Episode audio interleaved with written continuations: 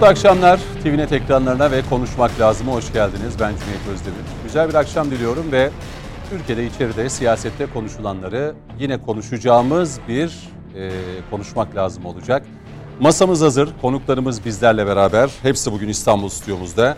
Daimi konuklarımız Mehmet Metiner ve Coşkun Başbuğ bizlerle birlikte. Mehmet Bey hoş geldiniz. Hoş bulduk. Coşkun Bey siz de hoş geldiniz. Hoş bulduk, iyi akşamlar. Bu akşam aramıza ilk kez katılan, konuşmak lazım da bizimle birlikte olan gazeteci yazar Mustafa Ertekin var. Mustafa Bey hoş geldiniz. Hoş bulduk, iyi yayınlar diliyorum. Teşekkür ediyorum ve zaman zaman ağırladığımız ve bu akşam da bizleri yalnız bırakmayan Demokratik Sol Parti Genel Başkan Yardımcısı hukukçu Onur İste bizlerle beraber. Onur Bey hoş geldiniz. Onur duydum, hoş bulduk. Çok sağ olun, çok teşekkür ederim. Evet ne konuşacağız? Şöyle kısaca başlıkları aktarayım. Ee, tabii altılı masa yine bugünkü e, konuşmak lazım da ana başlığımız olacak. Hem Kılıçdaroğlu'ndan gelen açıklamalar hem e, Meral Akşener'den gelen açıklamalar var. Bunlara bakacağız. Ee, belediye başkan adayları yeniden gündemde. Hem İmamoğlu hem de Yavaş'ın isimleri var. Kimileri Mansur Yavaş'a, kimileri ise Ekrem İmamoğlu'na sansür uyguluyor ki kendisine kendilerine yakın medya organları tarafından yapılan bu sansür ne anlama geliyor? Bunu konuşacağız ilerleyen dakikalarda değerli izleyenler. Ee, CHP Genel Başkanı Kemal Kılıçdaroğlu Amerika ziyaretini tamamladı. Geldi sonra ayağının tozuyla İngiltere'ye gitti. Temiz para getireceğim dedi. Ee, orada fon şirketleriyle, kredi kuruluşlarıyla görüştüğünü söyledi. Ee, tabii gider ayak e, Türkiye yönelik suçlaması da oldukça dikkat çekiciydi. E, hem emniyet teşkilatını hem jandarmayı hem de Türkiye Cumhuriyeti Devleti'ni narko terör devletmiş gibi uluslararası anlamda böyle bir suçlama yapması Kılıçdaroğlu'nun İngiltere ziyareti öncesi ve sonrasında da söyledikleri yine konuşulacak bu akşam. Ee, yine İngiltere'de Amber'in zamanla bir fotoğraf verdi ki bu ne anlama geliyor onu konuşacağız. Ee, FETÖ ile, PKK ile ve diğer terör örgütleriyle mücadele sürerken İsveç Başbakanı geldi. Sayın Cumhurbaşkanı Erdoğan biliyorsunuz e, İsveç e, Başbakanı ile görüştükten sonra kürsüde e, Türkiye yönelik dezenformasyonu yapanların İsveç'te de bulunduğunu söyledi. İsim de verdi. Firari, FETÖ'cü Bülent Keneş'in deport edilmesini istedi. Tam bunu söyledikten bir gün sonra TV5 ekranlarında Yine firari bir isim, bir FETÖ'cü TV5 ekranlarında karşımıza çıktı Hakan Şükür. Bunu da konuşacağız. Ee, yine altılı masa dağılacak mı, genişleyecek mi, bölünecek mi? Ee, bunu değerlendireceğiz.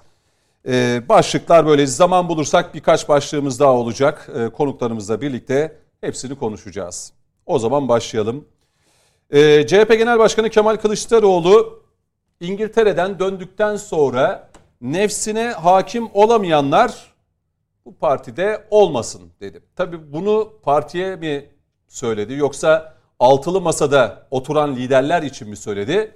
Bu merak konusu. Ama hem Kılıçdaroğlu'nun İmamoğlu hem de Mansur Yavaş rahatsızlığının olduğunu da gün gibi görüyoruz ve izliyoruz ve takip ediyoruz. Mehmet Metiner'le başlayalım.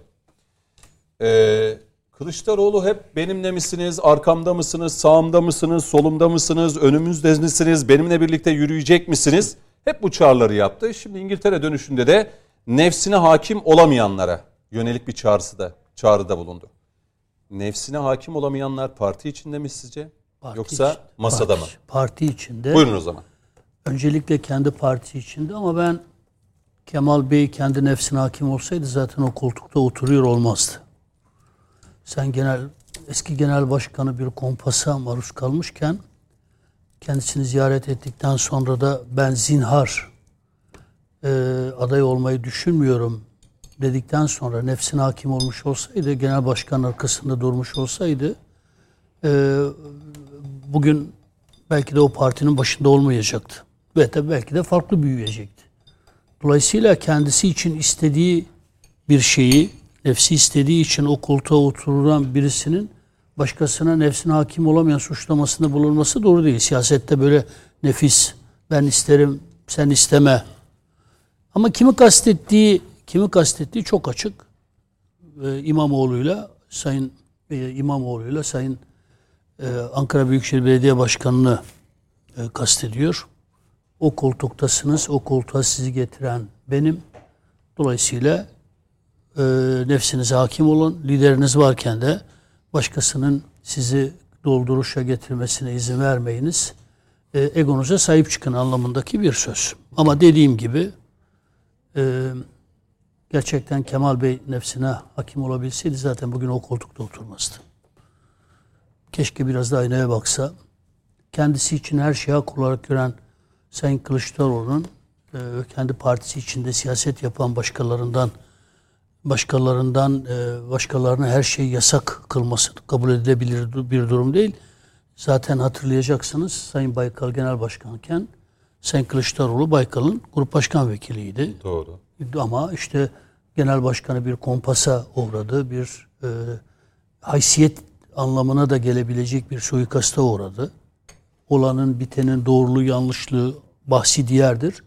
Ama genel başkanı hem genel başkanın hem bir kompasa uğradığını iddia ettiler hem de genel başkanlarını kendileri devirdiler. Eğer bir kompas söz konusu idiyse arkalarında sımsıkı durmaları gerekiyordu. Durmadılar. Dolayısıyla kendisinin genel başkanına yaptığının günün birinde kendisine de işte yapılabileceğini soracaktım. bilmiyorsa Ne ekersen onu e, biçersin. siyaset yapmasın Kemal Bey. Kılıçdaroğlu aynı şeyi yaşayabilir mi? Tabii ki yaşayabilir. Ya, ya siyaset e, hocam daha iyi bilir yani. Tarih olarak tarihte de öyledir. Yani Selçuklu tarihine, Osmanlı tarihine bakınız. Kardeş kardeşi katletmiştir. Yani iktidar uğruna, siyaset uğruna.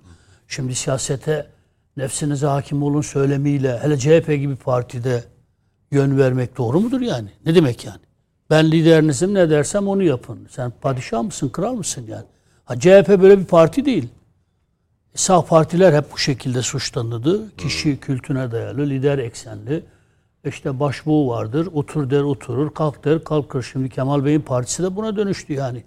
Kemal Bey lider benim, siz de nefsinize hakim olun. E peki birileri Kemal Bey'e çıkıp söylese sen grup başkan vekiliyken niye nefsine hakim olamadın? Kendi genel başkanlığı devirdin.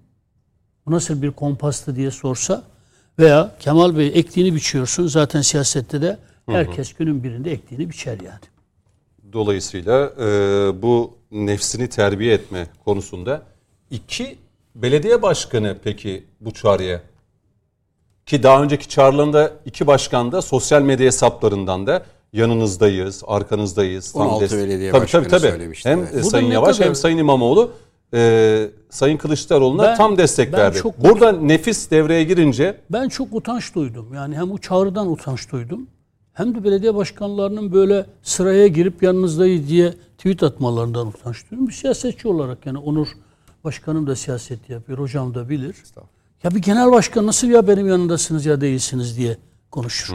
Niye konuştuğunu tabii ki biliyorum. CHP'nin içini de biliyorum. CHP içindeki klikleri de biliyorum. Hizipleri de biliyorum. iktidar çelişkilerini, çatışmalarını da biliyorum ama CHP'nin içine dair konuşmak bana düşmez. Ama eğer bir genel başkan tavrınızı belirleyin, safınızı belirleyin, benden yana mısınız diye konuşuyorsa bu bir liderlik aziyetidir, zaafıdır.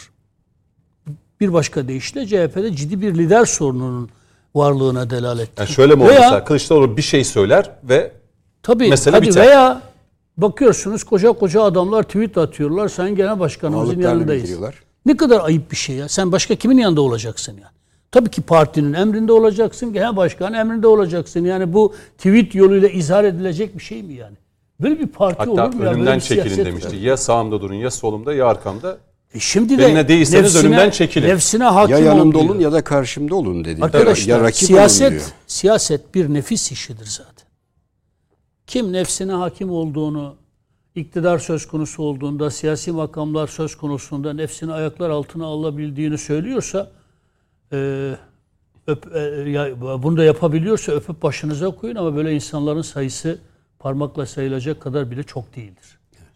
Bir parmağı diyorum, iki, iki, iki el, iki el Dolayısıyla bence bir siyaset bahsine Kemal Bey'in böyle dinsel manevi bir e, seremoni gibi nefsi de katması bir tür biat istemek anlamına da gelen e, bir şeydir bu. E, adı biat olmayan ama kendisine biat isteyen bir Kılıçdaroğlu CHP'siyle karşı karşıya bulunuyoruz. Şunu anlıyorum ki yani burada nefis terbiyesi mi olacak yoksa adaylık engellemesi Yani eğer? CHP bir tasavvuf kulübüne dönülmüşse bundan büyük bir memnuniyet duyarız. Bir dergaha dönüşmüşse, dönüştürülmüşse bundan ciddi bir e, memnuniyet duyarız. Ve hatta nefis terbiyesinin e, yapıldığı, herkesin nefsiyle de sınandığı ve nefsiyle sınananların en üste taşındığı bir tarikat dergah konumuna da oturtulabilmişse Kemal Bey yürekten kutluyorum. İnşallah öyle bir şey gerçekleşmiştir. Yani ya da gerçekleşir diye. Sayın Vekilim, 11 belediye başkanının da sıraya girip bağlılık bildirimi sırasına girmesi de çok ilginç değil mi? Yani aslında Müthiş bir ritüeldir. bu. yani kurum- Yani o gün o çağrı yaptıktan sonra sosyal medyada CHP'nin tüm teşkilat, ilçe başkanları, başkan yardımcıları herkes evet. Genel başkanım senin yanındayız diye Başka e, kimin yanında tweet olacaklardı? atmışlardı. Ben o, o belediye başkanlarına buradan sesleniyorum. Sadece belediye başkanı Başka değil, ilçe kimin- başkanları, il başkanları hepsi. Başka kimin yanında olacaksınız? Yani bir partiniz var, partinizin genel başkanı var. Yani başka kimin yanında olacaksınız ki sizin yanınızdayız diye demek görmeyi Partinizin tüzüğünün, ideallerinin ve genel başkanınızın zaten e, bir tüzük gereği yanındasınız zaten. Bunu beyan etmeye Şimdi Mustafa Bey bizde ilk kez beraber. O zaman şu soruyu yönelteyim. Ee, Kılıçdaroğlu için şu anda Cumhurbaşkanlığı adaylığı mı önemli? Kazanmak mı önemli? Yoksa CHP genel başkanlığı koltuğunu korumak mı önemli? Ee, Öncelikle hayırlı akşamlar diliyorum. İlk defa e, katılıyoruz böyle. Teşekkür ediyorum e, bütün konuklara ve sizlere. Şimdi e, Cumhuriyet Halk Partisi Genel Başkanı Sayın Kılıçdaroğlu'nun gi- gizemli siyasi stratejisi e, maalesef e, vizyonumuzu doldurmaya, her gün gündemimizi de e, bağlamaya devam ediyor. Neden? Sayın Kılıçdaroğlu'nun birkaç sebebi var yani bu çıkışları yapmasındaki. Çünkü gerçekler eğer Cumhuriyet Halk Partisi'nin içerisindeki konular, anlaşmazlıklar, huzursuzluklar, altılı masadaki huzursuzluklar konuşulacak olursa zaten Cumhuriyet Halk Partisi'nin e, seçim stratejisine uyuşmayacak e, durumlar ortaya çıkar. Şimdi bakıyorsunuz e, altılı masanın paydaşları arasında her gün farklı beyan veren e, siyasal partiler var. Dolayısıyla Sayın Kılıçdaroğlu bu açıkları kapatabilmek için ne yapıyor? Gizemli siyasi stratejisine devam ediyor. Şunu kastediyorum. Bakın Birleşik Devletler ziyaretinden başlayarak bir 8 saatlik bir gizem ilave etti oraya. Türkiye bir aydır onu konuşuyor. Bugün e, batmayan krallık denen ancak Londra'nın karanlık dehlizlerini çok iyi bilirim. Sayın milletvekilimiz de e, mutlaka o konuda bilgi sahibidir. E, şimdi oralardan Türkiye aleyhine mesaj vermelerinin sebebi Türkiye'deki gündemini yani e, altılı masadaki e, karmaşıklığı, çözümsüzlüğü e, kamufle etmek. İkincisi de kendi partisi içerisindeki çok sesliliği e, zapt edebilmek. Neden? Sayın Kılıçdaroğlu için sorunuza gelince e, kazanmak mı önemli? Kazanmak Cumhurbaşkanlığı adaylık mı, adaylık. yoksa CHP genel başkanlığı koltuğu? Cumhur e, Cumhurbaşkanlığı adaylığı konusunda Sayın Kılıçdaroğlu'nun çok istekli olması hatta ikili görüşmelerde çok yakın dostlarına ben adayım arkadaş diye ifadelerinin olması bize gelen kulis bilgilerinden bu şekilde geliyor. Neden? Çünkü Sayın Kılıçdaroğlu'nun aday olmaması durumda Cumhuriyet Halk Partisi Genel Başkanlığı koltuğunda bir saat bile oturamayacağını ben e, öyle bir, bir kanaatim var Aday olup kaybettiği takdirde. kaybettirdiği kaybettiği takdirde iki eğer altılı masadan tam destek bulamaz e, ise ve kaybettiği takdirde bir saat bile oturamaz. Dolayısıyla aday olmadığı şartta ne olur? Ama 11 seçim kaybetti yine oturdu. E, şimdi artık şartlar öyle değil. Bakın 11 seçim değil mi? Yanlış Bakın, söylemedim ben e, gene bakalım. Bakın artık şartları öyle değil Sayın Kılıçdaroğlu'nun. Çünkü Ankara'da e, Ankara Büyükşehir Belediye Başkanı'nın e, İyi Parti e, aday göstermek istemesi ve diğer e, Türkiye'deki diğer siyasi birkaç siyasi partinin de aday göstermeye niyet etmiş olması tabii Kılıçdaroğlu için belediye başkanlarıyla kendiler arasında bir mesafe oluşturdu. Yani bu İzmir konuşmasında biliyorsunuz İzmir'deki yaptığı CHP'nin grup konuşmalarını başka illerde yapıyordu Doğru. şeyken. Grup konuşmasında ya yanımda olun ya da karşımda resti çok önemlidir bence. Bu tarihi bir dönem noktasıdır. CHP'nin e, iç, iç e, dizaynı, iç disiplini açısından. Bakın bu çağrıdan sonra 11 Büyükşehir Belediye Başkanı ve partililer bağlılıklarını ifade etseler de Bolu'da ya- Bolu Belediye Başkanı'nın e, konuşmalarını hatırlayınız. Sayın Kılıçdaroğlu'nun yani birkaç gün önceki işte e, salı günkü grup konuşmasında ifade ettiği yani dünkü grup konuşmasında ifade ettiği ben yanımdan uzaklaştırırım e, işte olmayanları ifadeleri parti içerisindeki hem belediye başkanlarına verilmiş ve koltuğuna göz dikmişlere verilmiş bir mesajdır bu. Bakın sadece belediye başkanları değil. Ta- Tanju Özcan'ın ifadesi e, çok önemli. Yani e, tamamen bayrak açmış durumda. E, Sayın İmamoğlu'nun e, çalışmaları. Bakın Sayın İmamoğlu şunu söyledi. En çok çalışan benim dedi. Yani diyor ki Masanın en çalışkan neferi en- benim. En çok hak eden benim demeye getiriyor. Şimdi burada e, gelişmeleri çok iyi okumak lazım. Ya bu gelişmelerin ışığında Sayın Kılıçdaroğlu'nun aslında ben bir çaresizlik içinde olduğunu düşünüyorum. Neden? Kendi partisi içerisinde iki büyükşehir belediye başkanı e, aday olmak istiyor. Başka siyasal partilerin adayı gibi e, lanse ediliyor ve bunlar ifade ediliyor. Yani şimdi parti isimlerinde söyleriz aslında e, şey değil. Mesela Zafer Partisi göstermek istiyor veya işte İyi Parti göstermek istiyor. Yani, e, altılı masanın içindeki veya dışındaki partiler göstermek istiyor. Yani e, Sayın Ekrem İmamoğlu'nun Rabbi Yesir e, şeyleri var biliyorsunuz. Fatih Sultan Mehmet benzetmesi. Ya benzetmeleri var. Fatih Sultan Mehmet benzetmeleri var. Ee, şimdi buna e, baktığımız zaman e, en çok çalışkan ben emek sarf ediyorum, ben çalışıyorum diyor. Yani ben hak ediyorum diyor. Ve bunlar karşısında Sayın Kılıçdaroğlu'nun kayıtsız kalması tabii ki Yani düşünülemez. dolayısıyla bu hani nefsine hakim olun çağrısı aslında iki belediye başkanı yönelik bir çağrı. İki belediye başkanı ve parti içerisindeki yani Cumhuriyet Halk Partisi Genel Başkanlık makamına talip olan ben size 8 kişiyi bu masada sayarım. Yani bakın o kadar sayarım. Talip olan. Yani Cumhuriyet Halk Partisi Sayın Vekilim de e, ifadesinde söyledi farklı bir parti. Çok konuşulan, çok sesli bir parti. Sabah erken kalkan her e, ne mesaj verirse gündem o olur. Erken kalkan Cumhuriyet yol Halk. alır. Erken CHP kalkan yol alır. Bu CHP Genel Merkezi'nde. Ama hangi katlarda o da Şimdi bakın e, Kılıç, Sayın Kılıçdaroğlu'nun açması şu. Bir altılı masaya e, karşı dik durmak, aday olmak, oradan bir destek talebinde bulunmak birinci sorunu. İkinci sorunu kendi partisi içerisindeki tırnak içinde söylüyorum dizginleri tutma sorunu. Bakın hiç yokken Bolu Belediye Başkanı çıktı. E, vallahi ben bir siyasi parti genel başkanı olsam e, bu kadar çok sabırlı olamam yani. Böyle bir söz genel bir genel başkana hitaben bir partiye hitaben bunlar söyleniyor. Sayın Kılıçdaroğlu birkaç cümleyle yine gizemli bir konuşma üslubuyla bunları örtbas etmek istiyor. E, Sayın İmamoğlu'nun ifadeleri hep iğneleyici, hareketleri, tavırları aday olmak istiyor. Ama tabii ki e, şu var, tabii ki parti içerisindeki disiplini de çok bozmama anlamında açısından da şöyle yapmak istiyorlar. Biz mesajlarımızı verelim. Ancak Kılıçdaroğlu bu rahatsızlığı e, duyarsa duysun ama kamuoyu bizim parti disiplinine riayet ettiğimiz kanaatinde olsun diye de bir yol izliyorlar. Şimdi e, Kılıçdaroğlu bu, bakımdan sorunuza dönersek e, kesinlikle ve kesinlikle Hangi koltuğa? aday olmak isteyecektir. Aday olmak isteyecek. Kesinlikle aday Ama olmak aday isteyecektir. olmasıyla birlikte kazanamadığı takdirde genel başkanlık koltuğunu da kaybeder. Vallahi emeklilik günlerine hazır olması gerekir. Jübileyi böyle yapacak. Evet, Şimdi evet. Onur Bey'e döneyim sonra Coşkun Başbuğ'a e, sözü vereceğim. Hep ilk turlarda öyle oluyor. Coşkun Başbuğ'a finali yaptırıp reklama öyle gidiyoruz. E, Onur Bey siz nasıl görüyorsunuz? Yani Kılıçdaroğlu'nun aday olabilmek için şu son yani e, Haziran'dan beri yapmadığı çıkış kalmadı.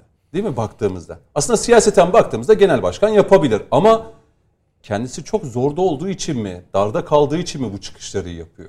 Mesela taban mı istiyor Kılıçdaroğlu'nu? Yoksa CHP içerisindeki genel başkanlar, kurmaylar mı? Seçmen mi? Altılı masa istemiyor. Onu anladık artık. Bilmiyorum hani katılır mısınız? Aslında bunu net söylemeden biraz daha böyle daha tepeden bakmak lazım bu işe. Hani özellikle 90'larda yani 70'lerden itibaren ama 90'ların sonuna kadar abi, peronist liderler vardı. Nedir bu peronist liderler? Bu Arjantin'deki Juan Perón üzerinden e, örnek vereceğim. Ki Ecevit de böyleydi bu arada. Yani e, hani bunu kötülemek veya iyilemek için söylemiyorum. Kitle var. Kitlenin karşısında adeta bir pop star gibi bir siyasetçi var ilişkileri aradaki kurumlardan bağımsız bir ilişki. Mesela Bülent Ecevit'in ilişkisine bakıyoruz. Aa, gerektiği zaman partinin dahi önüne geçen bir ilişki var. Alparslan Türkeş'in de ilişkisi böyleydi. Demirel'in farklı bir ilişkisi vardı. Şimdi yeni siyasetçi şeyine baktığımız zaman bu peronist siyasetçilerin hayatta kalan ve aktif siyasette olan son örneği Tayyip Bey, Tayyip Erdoğan. Şimdi söz konusu şey peronist siyasetçi olduğu zaman aday siz misiniz bir başkası mı diye sormazsınız. Soramazsınız da ama sormazsınız da. Yani o ekol bunu gerektirir. Bir de özellikle 2000'lerden sonra yani yeni bir ekol ortaya çıktı özellikle. Şimdi mesela Amerika'da şunu görüyoruz. Amerika'da mesela Trump biraz daha peronistti. Ama Demokrat Parti ekolüne baktığınız zaman kurumlar üzerine devam ediyor. Orada da şunu görüyorsunuz. Yani isimler değişebiliyor. Bizde de hani eğri oturup doğru konuşalım. Cumhuriyet Halk Partisi'ni benim de çok eleştirdiğim noktalar vardır ama Cumhuriyet Halk Partisi Türkiye'nin en kurumsal partisi. Yani Cumhuriyeti kuruluşundan beri var. Eski parti ve ilişkileri var. Şimdi böyle bir kurumsal partide hele 2000'li yılların ortasına yaklaştı. Yani 2022 yılında peronist bir lider çıkartmak gerçekten zor. Bu noktada bir de şey de var. Hadi şunu da örnek vereyim. Şimdi biz Demokratik Sol Parti ile Cumhuriyet Halk Partisi'nin böyle benzer tabanları vardır. Rahmetli Selahattin Numan'ın da bir metaforu vardı. Hani onu da rahmetle yad edelim. Şey derdi.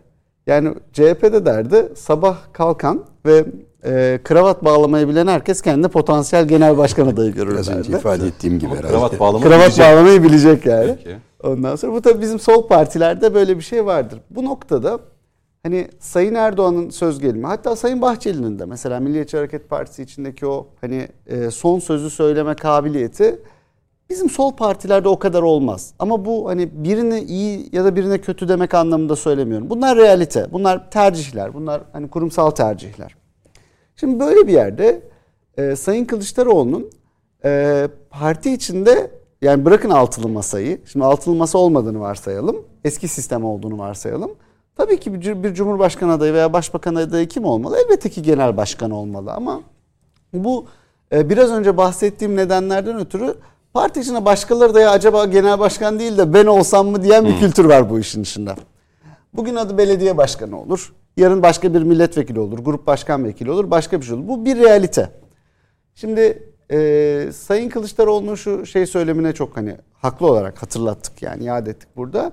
E, arkadaşlar yanımda mısınız değil misiniz? Yani bunu ben bilmek istiyorum. Mesela bunu bir sağ partide görmezsiniz böyle bir şey ama sol partilerde görürsünüz mantıklı da bir Ama şey. ifade öyle değil. Ya yanımda olun ya karşımda olun diyor. Bakın bu- bu- davet var burada. Bu hani özellikle neokonlar bir dönem başlamışlardı. Hani Irak işgali Hmm. noktasında da. Yani hani ya bendensin ya karşı taraf. Ortada diye bir şey. Ortadaysan karşıdansın Ama parti şey içerisindeki vardı. ifadeler bu olmaması gerekir. Belki yani. de gerek olmamalı. Kurum- kurumsal ifadeler Ben- öyle o şekilde belki olmamalı. de gerek yani. olmamalı ama bunun- bir realite olduğunu teslim etmek durumundayım. Şimdi ikincisi bir de şu da var. Ee, Kılıçdaroğlu'nun elbette ki bir aday olmak talebi, meşru bir talebi var ama sadece o konuda ona rakip olacak kişiler kendi partisinin içinde de değil. Çünkü Millet İttifakı başka bir yapı, başka bir iddiada. Parlamenter sisteme dönüş iddiasında ve bu noktada işte adayın bile çok önemli olmadığı, kendi ifadeleriyle söylüyorum. Adayın bile çok önemli olmadığı, kurumsal yapının önemli olduğu ve o kurumsal yapının aldığı kararları uygulayacak bir aday iddiasındalar ya. Bu noktada altılı masanın da adayı olmak Kılıçdaroğlu açısından o kadar kolay değil. Dolayısıyla partisinin içinde olmadan ama parti dışında ve yine Sayın Kılıçdaroğlu'na muhalefet edecek yapılar var. Bu noktada işte şimdi gelelim nefsine hakim ol noktasına. Burada Sayın Kılıçdaroğlu anladığımız kadarıyla hani ben bu şimdi masayı kuran benim. Ee, belli fedakarlıklar yaptım. Bu da bir muhakkak yani bunu kabul etmek lazım. Mesela 2018 seçimlerinde Sayın Muharrem İnce'yi kendi yerine aday göstermesi de bir fedakarlıktı. Bunu kabul etmek lazım. Ya da İyi Parti'ye 20 ve- yir- milletvekili veriyor olması yani bazı noktalarda eleştiriye açık ya da HDP ile örtülü açık ilişki içine gir- giriyor olması, yıpranıyor olması. Bu noktada belli fedakarlıklar yaptım. Elbette ki aday benim imajı. Bu nefsin nefsinize hakim olun. İşte kravatı bağlamayı bilmeniz Cumhurbaşkanı adayı olmanıza yetmez çıkışı bu. Ama doğrudan belediye başkanlarının bir soru da o. Şimdi bunlar bu nefsine hakim ol derken iki tane belediye başkanına mı söylüyor? Sayın belediye başkanına mı Masaya söylüyor? mı söylüyor? Masaya mı söylüyor? İki tane belediye başkanına söylediğini düşünüyorum ama salt yalnızca bu iki belediye başkanına söylüyor demek yetmez. Ee, Sayın Kılıçdaroğlu'nun aday olmasını istemeyecek herkese söylüyor Sayın Kılıçdaroğlu bunu. Masaya da söylüyor.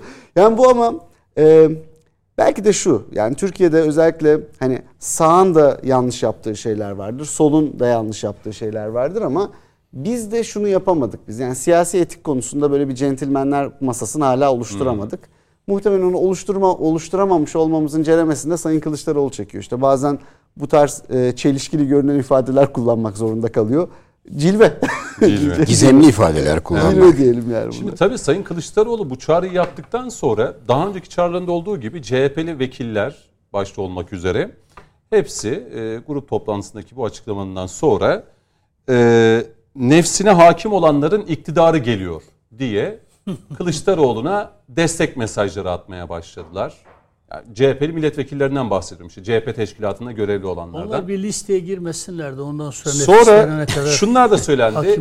Hiç kimse görürüz. unutmasın Türkiye Cumhuriyeti Devleti'nin güvencesi Cumhuriyet Halk Partisi'dir diye de e, yani şu mesaj verilmeye mi çalışılıyor? E, evet Kılıçdaroğlu yani CHP'li milletvekilleri Coşkun Baş bu.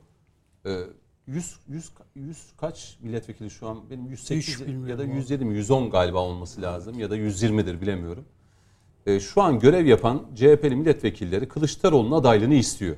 Yani genel e, başkan yardımcılarına bakalım Engin Altay, Özgür Özel, e, Ali Mahir Başarır pek çok ismin Sez, e, Faik Öztürk olsun.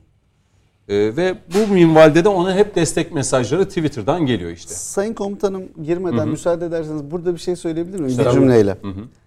Yani hani parti yapılarını bildiğim için hani bizim cenah için söylüyorum. Yani burada aslında şu da var. Elbette ki samimiyetle Sayın Kılıçdaroğlu'nun Cumhurbaşkanı adayı olması gerektiğine inananlar olduğu gibi bu aynı zamanda Sayın Kılıçdaroğlu'nu gerçekten çok sevmeyip ondan kurtulma bahanesi olarak kullananlar da var. Onu da bilmek lazım. Muharrem İnce'nin adayı gösterilmesi gibi. Belki de Potansiyel genel başkan adayıydı Sayın Evet. Muharrem İnce. Dolayısıyla e, aday gösterilerek şey oldu. Şimdi ilk reklam arası İki- iki 50 şey de geçe düşünelim.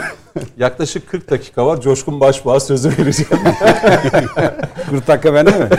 40 dakika sizde. Artık durmadan Şöyle başlayalım. diyeyim. Yani nefs, hayır bazı milletvekili de nefsine hakim olanların iktidarı geliyor deyince şimdi benim de kafam karıştı. Kılıçdaroğlu bu nefsinize hakim olun dedi. Nefsine hakim olanların iktidarı geliyor. Demek ne demek? Cüneyt aslında kafası karışan sadece sen değilsin. Gerçekten biz her gün e, ortaya atılan gündemi çözmeye çalışan bir e, topluma dönüştük.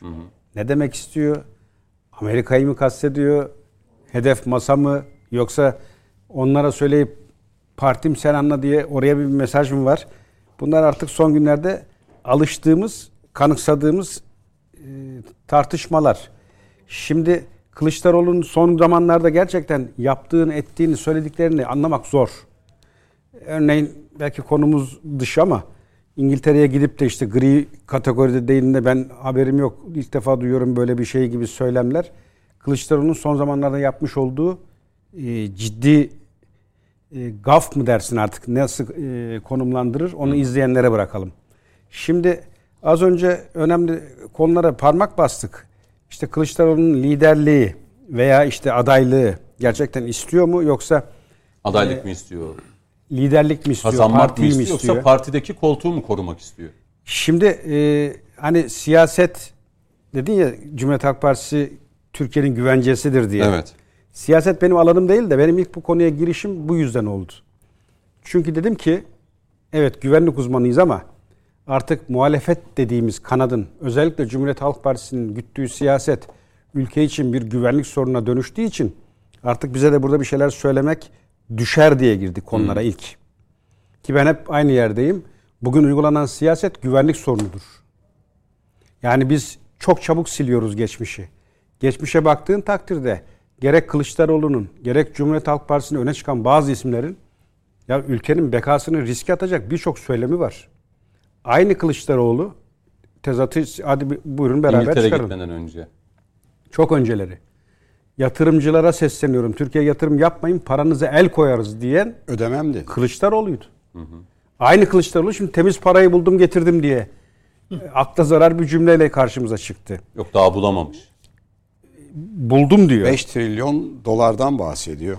Şimdi 5 milyar dolar. Be- Ee, pardon 5 milyar. 500 Yok milyar yok. dolar. Yok, 5 beş trilyon, trilyon dolarlık dolarlık bir sermaye var dünya genelinde. Onun %10'u kadarını Yani %10'u 50 500 milyar, milyar dolar. dolara denk 50 geliyor. Bu milyar parayı- dolar mı? 500 milyar dolar. ben buldum demeye getiriyor. E şimdi nefsine hakim ol. Mesela yaptığı çıkış hani hep çözmeye çalışıyoruz ya. E, siyasetin dışında ama hani iyi kötü bir aklımız olanları okuyacak kadar da bir tecrübeyi artık edindik. E, bu konuda bu cümleyi kuracak son kişi bana göre Kılıçdaroğlu. Az önce Mehmet abi güzel başlıklarla örnekledi. Nefsine hakim olma konusunda önce Kılıçdaroğlu'nun. Deniz Baykal zamanı nefsine hakim olurdun. Derdin ki ben başkanımın arkasındayım. Nefsime de hakim oluyorum. Ölümüne de destekliyorum. Ha, o zaman derdik ki bu cümle yakışır Kılıçdaroğlu. Ama öyle demişti ilk başta. Aday olmayacağım. Bana sonrası önemli. Ben öyle lafa değil icraata bakıyorum. Yani ben de herkes ona bakıyor. Hatta atalar öyle demiş. İştir kişinin aynası lafa bakılmaz demiş. E şimdi bu açıdan baktığında nefsine hakim ol cümlesi e, hani yakışmıyor derler ya o lisana yakışmıyor. Peki hadi yakıştıralım bu laf kime? Şimdi ben de diğer konuklarının olduğu gibi kanaatim net iki belediye başkanına nefsinize hakim olun diye. Neden? Çünkü siyasette dediğim gibi girmedik ama hissedebiliyorum. O öylesine tatlı bir hırs ki, öylesine iliklere işliyor ki e, İmamoğlu'nda bunu çok net gördük. İmamoğlu İstanbul Büyükşehir Belediye Başkanı koltuğuna hiçbir gün, hiçbir saniye belediye başkanı olarak oturmadı. İlk günden itibaren kendini devlet başkanı gördü. Hep öyle refleksler gösterdi ve ondan dolayı da çok hoyratça harcadı tanınan fırsatı. Hani e, neye dayanarak en çok çalışan benim diyor o ayrı bir tartışma konusu ama e, bu siyasetteki özellikle bu son süreçteki hırs böyle bir şey. Her kar yağdığında Orada- Orada, gidiyor. Her sel bastığında Bodrum'a gidiyor. Çok çalışıyor abi. Hep yollarda geçiyor. Normal yani. Orada e, şimdi e, nefsine hakim ol cümlesi Kılıçdaroğlu'nun bir başka şekilde konuyu, meseleyi anlatış tarzı. Aslında o nefse hakim olmayı, akla hakim olmayı e, yakın zamanda iki belediye başkanını yanına alarak başkanlarımız diye lanse etmesinde de kullandı aslında dolaylı olarak. Siyasette siyasetçi nefsine hakim olmalı mı? Temel mesele siyasetken. Şöyle Başka konular demiyorum yani. Hani bu elbette inancımız gereği hepimizin nefsine hakim olması gerekiyor. E, siyasetçi insansa insan nefsine Heh. hakim olacak. Ama yok mesele siyaset olunca diyorum. dinen de en büyük sınav nefse hakim olmaktır. Elbette. Ha şimdi bakın olay şu. Liderlik işte burada kendini gösteriyor. Yani o e, duyguları yenip akıl neyse veya ahlak, örf, töre, siyaset neyi gerektiriyorsa ona göre hareket etmek ve genelin olurunu almak nefse hakim olmak demek. Ama Kılıçdaroğlu kazanacağına inanıyor. Şimdi şöyle Yani kazanacağı bir şey konusunda bu kadar iddialı. Aday olmak istiyor. Siyaseten bildiğim iki tane önemli gerçek var. Bunu yaşayacağız ve göreceğiz. Bunlar gerçekleşecek. Bunlardan birincisi Biden'ın sağlık nedeniyle siyasetin sonuna geldiği, Kılıçdaroğlu'nun da bu e, konuda siyasetin sonuna geldiği. Çünkü öyle bir açmazda ki Kılıçdaroğlu. Lider olarak yakışan adaylığını göstermesi. Fakat Meral Akşener'in o söylemi bana göre doğru. Kazanacak biriyle yola çıkmalıyız diye kibarca hani bu seninle bu iş olmaz daha böyle kabul gören bir isimle bu yarışa girmeliyiz diye vurgulaması var. Ama hırs öyle bir e, kavram ki bir kendini o yerde görüyor. iki Kılıçdaroğlu öyle ya da böyle işin sonuna geldiğinin farkında. Şimdi aday olmadığını varsay. Bu sefer alacağı tenkit kardeşim muhalefet partisinin liderin lideri konumundasın. Defalarca seçim kaybettin ve şu an gene önderimiz liderimizsin. Oraya adaylığını koyamayacak kadar acizsen partinin başında işin ne? Altılı Masa'nın en kurucu şeyi. Ya akla hizmet olan yakışan o. E şimdi bakın e, liderlik konusunu az önce tartıştınız. E, bizim hani har, harp okulundan çıkışımız eski meslekten örnek vereyim. Bindir. Ama o elene elene elene en sonunda e, bir hani kritik makam alay komutanlığı, tabur komutanlığı gibi belki bunun %10'u 20'si o makamlara gelebilir. Nedir orada kıstası ölçü? Yolda kat ettiğin, aldığın e, puan, sicil artı liderlik vasfın. Mesela sicilde en önemli maddedir o. Liderlik vasfı var mı? Yok dediğin an var ya bittin. Hiçbir birliğin başına seni komutan olarak atamazlar. Masa başı karargah görevi. Liderlik vasfı gerçekten en kritik konu. Şunu devlet öngörüyor veya silahlı kuvvetler diyor ki ben bu birliği teslim ettiğim zaman bu kişi oraya emir komuta edip liderlik vasfını yönetime yönetmeye yansıtabilir mi? Kıstas bu. E şimdi soru şuradan e, gidelim şu sorudan. E, partisine lider olamayan ülkeye nasıl lider olacak? Bugün herhangi bir siyasi lider düşünebiliyor musun? benle misiniz değil misiniz? Ve yıllarca o işin başındasın. Ben şimdi e, burada e, bütün masa konuklarımla yıllarca siyaset yapmışım. Üstüne ciddi bir süreci de kat etmişiz. Ve dönüp diyorum ki benle misiniz değil misiniz? Ya yıllardır bir aradasınız. Şimdi sen düşünebiliyor musun? Sayın Erdoğan, Sayın Bahçeli çıkacak diyecek ki partisine artık ya benlesiniz ya da karşı taraftansınız. Orada bir kere zaten liderlik vasfını hemen bir kenara bırakıyorsun. Rakiplik vasfı başlıyor o zaman. Ha, şimdi bunu söyleyen bir kişi, partisine lider olan bir kişi ülkeye lider olur mu? Kıstas bu. Yani halk buna bakıyor. E şimdi Sayın Erdoğan'ı kıyaslayın. Belediye başkanlığı yapmış lider. İstanbul'u teslim etmişsin yani dünyanın ilk 20'sine giren büyük bir şehri konuşuyoruz. Ülke. Belediye başkanlığı dönemindeki o kadrolarla hala da yola Ha, devam ediyor. Aynen yani hala onun mirasını yiyenler var. E şimdi orada Rüştü ispat etmiş. Diyor ki ben nereye verirseniz verin olaya hakim olurum. Onu yönetecek bende akıl, irade ve güç var. Peki partisine lider mi Sayın Erdoğan? Baştan sona e, ben çok takdir ederim Mehmet abinin o duruşunu. Partisine doğrudan itaat eden e, liderine düzeltiyorum ve gerçekten o e, onu da hak eden bir lider figür. E şimdi benim derecem yani vatandaş olarak ölçüm ne? Belediye teslim ettik ne yaptı? İşin içinden çıktı. Partisinin başında nasıl? Allah var. Ne derse o. Peki böyle bir kişi ülkeye lider olur mu? Olur. 20 yıldır onun için zaten başta. Hatta yetmedi. Bölgeye lider olur mu? Ben bakın hala aynı yerdeyim ve iddia ediyorum. Bugün dünyaya çıkın. Herhangi bir ülkeye gidin. Dünyadan 3 tane lider sayın deyin. Sayın Erdoğan kesinlikle ilk üçe girer. O zaman şöyle bir Yani Erdoğan Açayım. liderliğinin karakteristik vasfı gücünü gönüllerden almasıdır. Heh, Bakınız. tabandan destek Gönülden alan. itaat ayrı bir şeydir. Sırf güç erk sahibi olduğu için herkesin itaat zorunda e, olduğu liderlik ayrı bir şeydir. Erdoğan lider Erdoğan liderliğinin tek şeyi budur. Halkta karşılığı Zaten var, doğrusu da halkın odur. gönlünde karşılığı, partisinin içinde de. Doğrusu da odur. Bir de partisini zaferden zafere ulaştırmış bir lider. Dolayısıyla yani bu güveni de sağlamış. bir Sayın insan. vekilim öbür türlüsü genel başkan olur zaten. Tabii ki. Evet çok lider, doğru. lider olmaz. Çok doğru. Lider gücünü halkın sevgisinden aldığı zaman liderlik vasfını elde eder. Aynen. Yani öbür türlüsü e, takdir edersiniz ki genel başkan olur. Yani yani. o yüzden Erdoğan partisinin çok çok önündedir. Şimdi zaten Yani AK Parti'nin gücüyle Erdoğan'ın gücü e, kıyaslanmaz. ha, farklı çıkıyor. Hatta partisi bile Erdoğan'ın halkla sağlamış olduğu gönül ilişkisinden dolayı bu kadar güçlüdür yani. Şimdi zaten Bu bu kadar da açık. mesele şu.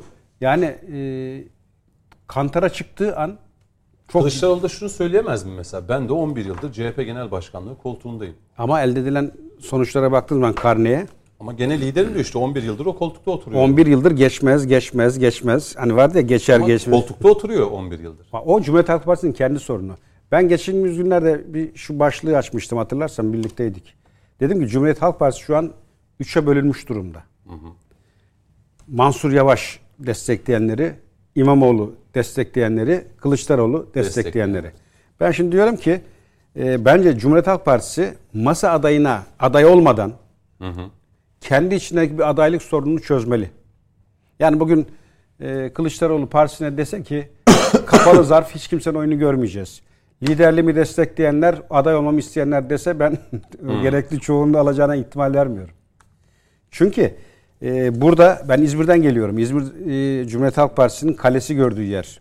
Az önceki e, Mustafa Hocam'ın ifade ettiği konuşma da orada oldu. Evet. Niye İzmir? Çünkü en güvende, en kale gördüğü yer. Orada da tabanda çok ciddi eleştiri var bu Kılıçdaroğlu'nun İzmir yaptıklarına. milletvekili zaten. Ve çok ciddi eleştiri var. Yani oradaki seçmen bile hani günümüz meselelerini sıraladığında hani Kılıçdaroğlu olmaz bu iş diye kanaat getiriyor. Dolayısıyla aslında Cumhuriyet Halk Partisi'nin biraz dibini eşelediğinde kendi içinde kaynayan kazan olduğunu çok net görebilirsin. Peki. O nedenle İmamoğlu ısrarla her ne kadar başkanımın yanındayım, destekliyorum dese de Halen çizginin içinde. Peki oraya birazdan geleceğim. bir Şimdi kenarda ben adayım diyor. Mansur Yavaş gene aynı şekilde. Yani bunlardan Ya Mansur Bey yavaş yavaş gidiyor ama şey İmamoğlu sessiz ve yavaş. tam şimdi Ben- orada çok şöyle belli bir, ederek yani. tam şimdi orada ederek. araya gireyim. Şimdi e, muhalefet içerisinde de bir sansürleme var. Belediye başkanlarıyla alakalı Sayın Metiner. Siz de takip ediyorsunuz. Tabii ki, Mesela tabii. Barış arkadaş bunu açıkladı geçtiğimiz gün programda. Ee, işte Sözcü gazetesinin sahibinin annesine belediye ekipleri, zabıtaları baskın yapıyor. Ekrem İmamoğlu ile işte e, muhalefete yakın medya kuruluşları arasında nedir, ne değildir ama bir savaş olduğu belli ama önceki günde yine e, bir canlı yayına katıldığını da belirtmiş olalım. E, Halk Yani bugün Sayın İmamoğlu'nun hem e, siyasi aktörleri var. Onu şiddetle ve hiddetle destekleyen yani İmamoğlu'na bir sansür var. Yani onu İki, gördük. İmamoğlu'nun kendi medyası var. İmamoğlu'nun da kendi medyası üzerinden biraz sansür uyguladığı siyasi aktörler var CHP'nin içinde. CHP'nin içinden de İmamoğlu'na e, bariyer oluşturan, ona set çeken bir takım unsurlar var. Dolayısıyla CHP kendi içinde çok kavgalı. Ama işte bizim bizler araya girdiğimiz zaman herkes bize birleştirebiliyoruz. Yani bir süre aslında aradan çekilebilsek kendi iç kavgalarıyla birbirlerini tüketecekler ama biz hemen meydana çıktığımızda bu Düzeltiyoruz sefer hemen, tamir Erdoğan ediyoruz. düşmanlığı üzerinden herkesi konsolide ediyor. Sanki böyle bir mecburiyetimiz varmış gibi. Böleyim derken Dolayısıyla biraz da Cumhur İttifakı'na buradan akıl vermek gibi olmasın. Onların aklı bizimkinden çok daha fazladır. Hiç kuşkum yok. Şu arada bir böyle aradan çekilseler de başka partilerin işlerindeki iktidar kavgasını biraz seyretsek. Kapışsalar Ama diyorsunuz. o e, partiler içerisindeki o kavganın medya aracılığıyla da bize yansıdığını çok net bir şekilde görüyoruz. Yani amaç burada mesela bazı muhalif kanallarda İmamoğlu'nun adı bile hiç geçmiyor. Geçmez. Mansur Yavaş'ın parlatılmaya çalışıldığını görüyoruz. Ya- İmamoğlu'nun Fox'ta Adı yere geç- göğe sığdırılamayan İmamoğlu bir gecede yerle bir edildi. Peki e, bu neyin Boşuna yani değil bu ki. kimin şimdi altılı masa diyoruz 6 artı 1 diyoruz 6 artı 2 diyoruz Amerika diyoruz. yedili masa. Mesela Hatay Belediye Başkanı ne dedi? Küreselcilerin vereceği kararla bu altılı masanın adayı belli olacak dedi. Ya bence doğru. Yani tek başına küreselciler Bu- vereceği bir peki karar buradaki değil ama bu, bu kavga ondan neyin onayı- kavgası? Mansur Yavaş'ı parlatalım, Ekrem İmamoğlu'nu şimdi bir sindirelim. Fazla Bu bu ak bu e, Meral Yani Akşener'in herkes birbirine operasyon bu çekiyor. Sayın Akşener'in CHP çekmiş olduğu bir siyasi operasyon. Bence çok akıllı bir siyaset izliyor Meral Hanım. CHP ana muhalefet koltuğundan çekip kendisi oraya oturtmak istiyor. Bu da çok doğal bir şey. Dolayısıyla CHP'nin içine oynuyor. Zaman zaman Meral Hanım şu anda Mansur Yavaş'ı parlatıp koltuğa mı tutturmak istediği istiyor? zaman Mansur Yavaş'ı parlatıyor. istediği zaman yanına İmamoğlu'nu alıyor. CHP'nin içine oynuyor. İstediği zaman bir başka partinin genel başkanının da o masaya dahil edilmesi gerektiğini söylüyor. Emrivaki yapıyor. E, dolayısıyla Meral Hanım kendine oynayan, kendi siyasetine oynayan, CHP'nin içine uyarak istiyor. da CHP yerine ana muhalefet partisi olmaya oynayan bir Merkez sağın izliyor. şey olmak istiyor. Kesinlikle. Yani bir de e, tabii ki e, bu dikkat Mansur Yavaş çok sessiz dedi yavaş yavaş. Ama su ismi gibi Ama yavaş Sayın yavaş. İmamoğlu mesela şey söyledi en son. Hani bu masanın dedi en çalışkan neferiyim dedi. Şimdi Mansur Yavaş tabii ki daha tecrübeli bir siyasetçi. İmamoğlu beyefendi mesela e, şeydeki e, açıklamasına bir bakın. Mesela e, hiç vız gelir tırıs gider dedi. Mesela bir açıklaması var. Hatırlayın ki bayram gezisi. facia bir şey. Böyle bir açıklama olur mu? Şimdi milletin hizmetinde yani bir şehrin emini olarak seçilmiş bir belediye başkanı şehirde olan olayların akabinde neredesiniz diye eleştiren medya olabilir, kurumlar olabilir, vatandaş olabilir, kişi olabilir, seçmen olabilir. Bunlara karşı ne söylerse söylesinler vız gelir tırıs gider gibi tırnak içinde böyle bir ifadeyi kullanması demek bir siyasetçinin, bir belediye başkanının bu siyaseti bilmediğini gösterir. Böyle bir şey olmaz. Yani bir göreve, bir makama seçilmiş bir insanın e, oranın hizmet makamı olduğunu, e, görevi olduğunu e, idrak etmesi lazım. Sinirlenerek siyaset olmaz. Bugün seçiliyorsunuz, hizmet etmediğiniz zaman seçilemiyorsunuz değil mi? Bir daha seçilemiyorsunuz. Dolayısıyla Sayın İmamoğlu'nun böyle gafları var. Mesela e, bakıyorsunuz e, İstanbul'da kar yağıyor. Yollar insanlar evlerine 15 saat, 20 saat, 25 saatte gidemez halde tıkanıyor. Basın ekspres yolu çok uzağa gitmeyelim şuramız. Orası tıkanıyor. E siz balık yiyorsunuz bir e, İngiliz elçisiyle. Yani buradaki yapılması gereken Genel başkanınızın haberi yok. ee, burada yapılması gereken neyi biliyor musunuz? Samimi olmak. Bakın Sayın Vekilim çok güzel bir ifade kullandı. Mesela işte e, Sayın Erdoğan'ın gücünü, liderlik gücünü e, samimiyetinden aldığı, işte sevgisini, halkın sevgisinden aldığını ifade etti. Kesinlikle. Şimdi dolayısıyla bir şehrin yedi emini yani e, sayılan seçilmiş belediye başkanı olabilir. Yemeğe de gidebilir, balık da yiyebilir, şey de yiyebilir ama bu olaylar olduğu zaman kalkar görevinin başına gelir. Bunları gördük. Gördük. Hepimiz bu acı tecrübeleri Evet. yaşadık İstanbul'da ama şu an muhalefete yakın e, haber kanalları da dahil olmak üzere İmamoğlu'na yönelik böyle bir şey var. Şimdi Yani Halk TV hariç. Evet Halk TV hariç. Şimdi Önceki neden var? Halk Bakın TV'deydi. burada dikkatlerden kaçan e, bir şey oldu. E, Sayın Meral Akşener'in izlediği e, politik stratejiye baktığımız zaman ne dedi? Damgayı vuran, mührü vuran lafı şu oldu. Altılı masa noter değil. Biz noter değiliz dedi. Yani Sayın Kılıçdaroğlu bunlar bu masa etrafında biliyorsunuz altılı masa e, aylarca şeyi konuştu. Masanın şeklini konuştu. Yani Nasıl efendim kare mi oturalım, sırayla. yuvarlak mı olsun diye. Ee, şimdi altılı masanın bir üyesi e, bir e, parti zannediyorum Deva Partisi lideri de e, A4'ün üzerindeki yazıların formatını konuşuyor bir haftadır onu konuşuyor mesela. Şimdi aslında uğraştıkları meseleler e, temelinde şu var altılı masadaki sıkıntı şu birbirine bir samimiyet e, şeyi yok. Şimdi Sayın Meral Akşener'in tabii ki e, seçimlere girebilmesi için milletvekili transfer edilmiş olması bir ahdi vefa e, işleyişinden dolayı Sayın Kılıçdaroğlu'na karşı daha ölçülü, nizamlı, e, daha e, konuşmalarında biraz daha ölçülü. Ancak Sayın Kılıçdaroğlu'nun da tabii ki e, CHP'nin kurumsal kimliği, liderimiz e, biz adayı göstermek istiyoruz diye bastırsa hiç kimse buna bir şey demez. Peki şimdi Bakın. siz de gazetecisiniz.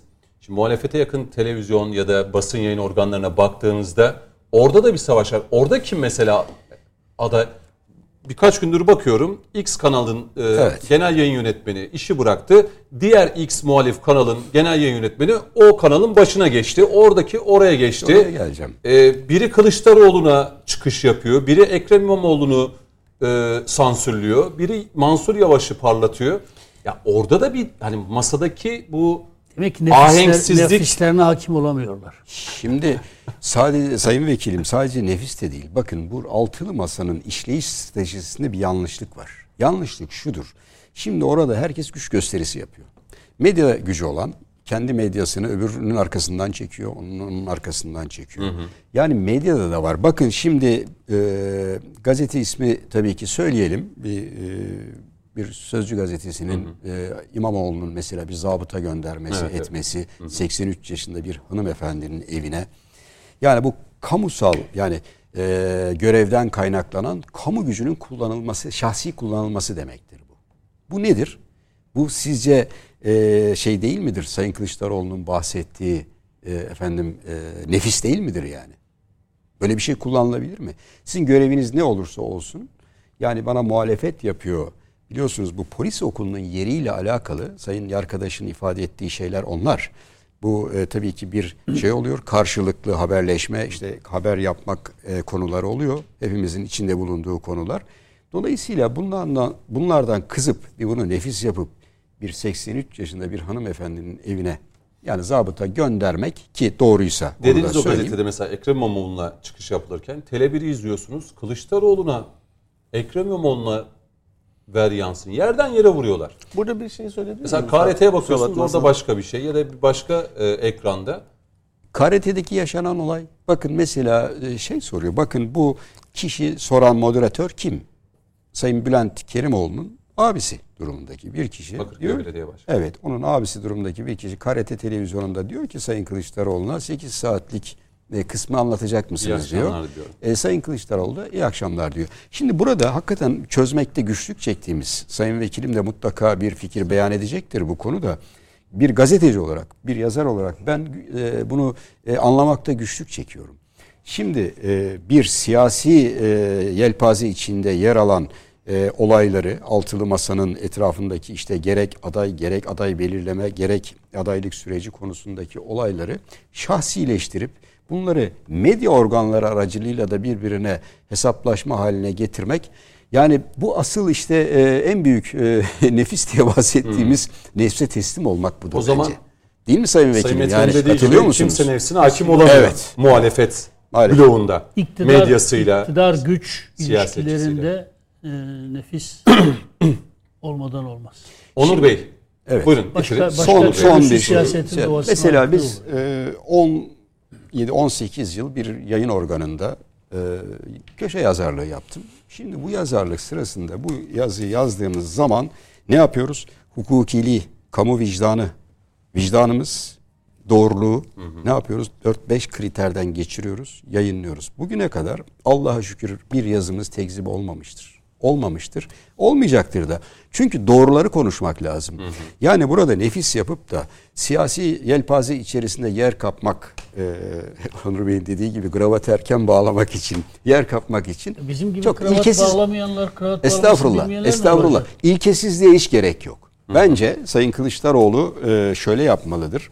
Belediye başkanlarıyla mücadele etmeyi de bırakmalıdır. Kendi parti içi mücadelesinde ayrı bir platformda yapmalıdır. Kendi kapalı kapılar Anladım. içinde yapmalıdır. Çünkü Türkiye'nin önünde bir seçim var. Bu seçimde çok önemlidir ve 2023 e, lider ülke Türkiye projesi e, içinde hakikaten bu seçimin sandıkta millet iradesinin tam olarak yansıması gerekir diye düşünüyorum. Peki. Onur Ben Bey. şunu eklemek istedim aslında Mustafa Bey. Şimdi hani bir kere iktidar sadece yönetenlerde değil muhalefette de bir iktidar var. Yani mesela Cumhur İttifakı'na bakıyorsunuz ülkeyi yönetiyor evet doğru ama e, bu noktada iktidar kavramı sadece Cumhur İttifakı'nda değil. Ana muhalefetin de bir iktidarı var. Yani belediyeleri var her şeyin başında. Kocaman belediyeleri var. Bu noktada o iktidar konusundaki yozlaşma hani mutlak şey e, klasik felsefi bir şeyden bahsediyorum. Elbette ki muhalefette vuracaktır. Yani bu muhalefette kim olursa olsun. Şimdi demin şeye takıldık. O yüzden zaten Mustafa Bey'le araya girmek istedim. Şimdi e, muhalefet kanallarının işte bazen işte kimisinin İmamoğlu'nu savunduğu, kimisinin işte Mansur Yavaş'ı savunduğu, kimisinin Kılıçdaroğlu'nu savunduğu ve bunun bir çelişki olduğunu söylüyoruz. Aslında bu çok doğru bir önerme değil. Şundan değil, önce en başından söyleyeyim. Bizi mesela Demokratik Sol Parti aslında hayat tarzımız ve dünya görüşlerimiz çok farklı olmamasına rağmen bazı yerlerde aynıyız, bazı yerlerde farklıyız ama sonuçta en azından TVNet'ten çok daha şey değil, TVNet'e çok daha yakın değiliz işin gerçeği editoryal anlamda. Ama biz mesela Demokratik Sol Parti Halk TV'ye çağrılmaz. Daha ilerisini söyleyeyim. Mesela Memleket Partisi'ni de Halk TV'ye çağırmazlar. Doğru. Hani sansür diye ki ben sansüre inanıyorum var. Yani e, hükümete yakın kanallarında ciddi uyguladığı sansür var ama bu eleştirilerden onlar da ari değil. Onlar da aynı şekilde başka türlüsünü yapıyorlar. Ama bu eleştiriyi peşin koyduktan sonra şu yanlışa gelmemek lazım. Ee, yani çok seslilik de o kadar kötü bir şey değil. Yani mesela Tele1'de Kılıçdaroğlu'nun eleştirilmesi bana çelişki gelmiyor. Ya da Halk TV'de e, Ekrem İmamoğlu'nun işte e, yer bulması ya da Mansur Yavaş'ın eleştirilmesi bana yer geliyor. Bu demokrasinin gereği. Ama bunu sindirmek zorunda. Benim Biz- biz eleştiri- çalıştığım Onu şu, söylemiyoruz Altılı zaten. masadaki kafa karışıklığının bir anlamda e, muhalefete yakın medya organlarında da o kafa karışıklığına sebep olduğunu açıkçası gör- ka- ben bu, bu, şekilde ka- görüyorum. burada size hak verdiğim nokta şu. Yani gerçekten bir kafa karışıklığı var. Çünkü yani aslında altılı masanın yapması gereken başka bir şey var. Onu biraz sonra geliriz ama. Şimdi problem şu. Şimdi gazeteciler şu tercih yapmak zorunda. Batılı anlamda, batılı demokrasilerde. Hakikatin peşinde misiniz? Yoksa e, siyasal tercihleriniz çerçevesinde hakikati eğip bükebilir misiniz? Bizim Türkiye'de hiç ayırmıyorum bunu. Gerek iktidar basını, iktidara yakın basın, gerek muhalefete yakın basın genellikle çok böyle samimi ve iyi iki taraftan da iki cenah çok samimi ve iyi gazetecileri tenzih ederim, sizleri tenzih ederim. Ama hakikate eğip bükmeyi tercih ederler. Yani hani mesela eğer Cumhuriyet Halk Partisi'ne yakın bir gazetedeyse eli gitmez Sayın Kılıçdaroğlu'nun yaptığı bir yanlışı söyleme. Ya da tam tersi iktidara yakın bir yerdeyse Sayın Erdoğan'ı eleştirmek cız olur. Ya da Mill- Milliyetçi Hareket Partisi'ne yakın bir gazeteci ise o korkar ondan. Asıl eleştirmemiz gereken bu bizim. Gazetecinin yani hani Uğur Mumcu'ya ben hayat tarzı olarak yakınım ama konu o değil. Uğur Mumcu'ya namuslu olduğu için yakınım önce ben. Yani hangi gazeteci yani vatanın milletin ulusal çıkarları dışında günlük siyaset gütmez. Hakikatten başka hiçbir şey aramaz. Zaten hakikati ararsanız hakikat dediğiniz ulusun çıkarlarıyla paraleldir. Yani ulusun çıkarına olmayan bir hakikat de olması mümkün değildir. Biz bunu bazen es geçiyoruz. Gazetecilere bir siyasi misyon yüklüyoruz. Her taraftan bunu. Sonra o siyasi olarak siyasetçinin işine gelmeyen bir şey dediği zaman da bu gazeteci de çok yalpalıyor diyoruz. Hayır belki de hakikati arıyor gazeteci ama hep- hepsi için bunu söyleyemem. Ama tekrar en başa dönüyorum. Ya bu şu anlamada gelmiyor. Yani her, her yalpalayan gazeteci de hakikati aradığı için de yalpalamıyor. Yani bazı eleştirileriniz de çok haksız değil kabul.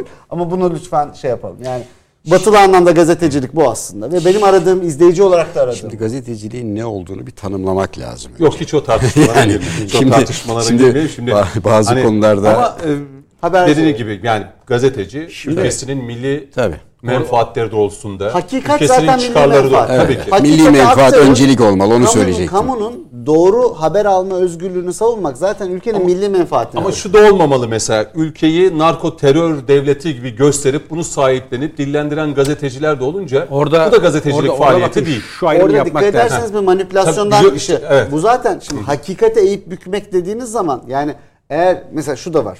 Daha ilerisine gideyim. Mesela Türk Silahlı Kuvvetleri kimyasal silah kullanıyor derseniz bir gazeteci olarak hakikate eğip büktüğünüz için özgür gazeteci olmazsınız. Aksine hakikati büken gazeteci E, olursunuz. İşte şu an onu söyleyen bir hani fincancı olmasaydı da bir gazeteci olsaydı tutuklansaydı içeri konulsaydı şu denilecekti. Bakın Türkiye'de gazetecilik yaptırılmıyor. Ama bu- ama- Gazeteciler ama- cezaevi. ama Şimdi- burada da de- şu da var. Bunu destek veren milletvekilini eleştirmek niye suç olsun Bizim Evet, söyleyeceğim aynen. yöntemsel olarak bunu ceza hukukunu sopa olarak kullanmayalım ama biz ayıplayalım. Özellikle siz Şimdi gazeteciler bu burada- hakikati saptıranlara şey yapın, müdahale edin. Burada e, Cüneyt'in söylediği şu ve kafa karışıklığı oradan çıkıyor. Benim anlayamadığım bu şu. Yani bahsetmiş olduğun- elbette medya kuruluşları iktidarı, muhalefeti destekleyebilir. Tabii. Yani bu dünyanın her yerinde böyle ya. İşte ara seçim oldu Amerika'da da. Ama fikir namusu olmalı Cüneyt Bey. Mutlaka işte Yani cumhuriyetçileri, destekli- demokratları destekleyen New medya York Times organları var. mesela kimi destekler? Demokrat Parti'yi destekler Amerika'da. Yıllardır da böyledir. Evet, Herhalde 60'lardan beri falan böyle yanlış hatırlamıyorsam. Ama New York Times açık açık çok net bir şekilde Cumhuriyetçiler aleyhine yalan haber yazdırmazsınız. Şimdi işte oraya Bizde gel- bu oluyor. Şimdi oraya geleceğim. Ee, yani burada Kılıçdaroğlu mu, Mansur Yavaş mı, e, Ekrem İmamoğlu mu, Meral Akşener mi kim aday olsun? Hani ad- artık aday açıklansın derken e, muhalefete yakın medya kuruluşlarında da o kavgayı yani masadaki kafa karışıklığının oraya da yansıdığını, bunun sebebinin ne olduğunu yani Sen burada zaten diyoruz ya sorun o. Ee, dışarıdan hani belirlenecek altılı masanın adayı diyoruz ya.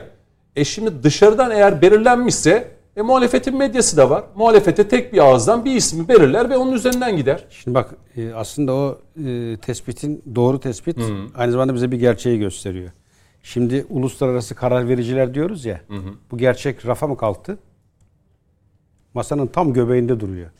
Yani burada e, hiç kimse kusura bakmasın ne Kılıçdaroğlu ne Akşener'in ha- e, şeyi de harcı değil masada adayımız budur demek. Uluslararası karar verici meselesi halen masanın hakim olan gücü.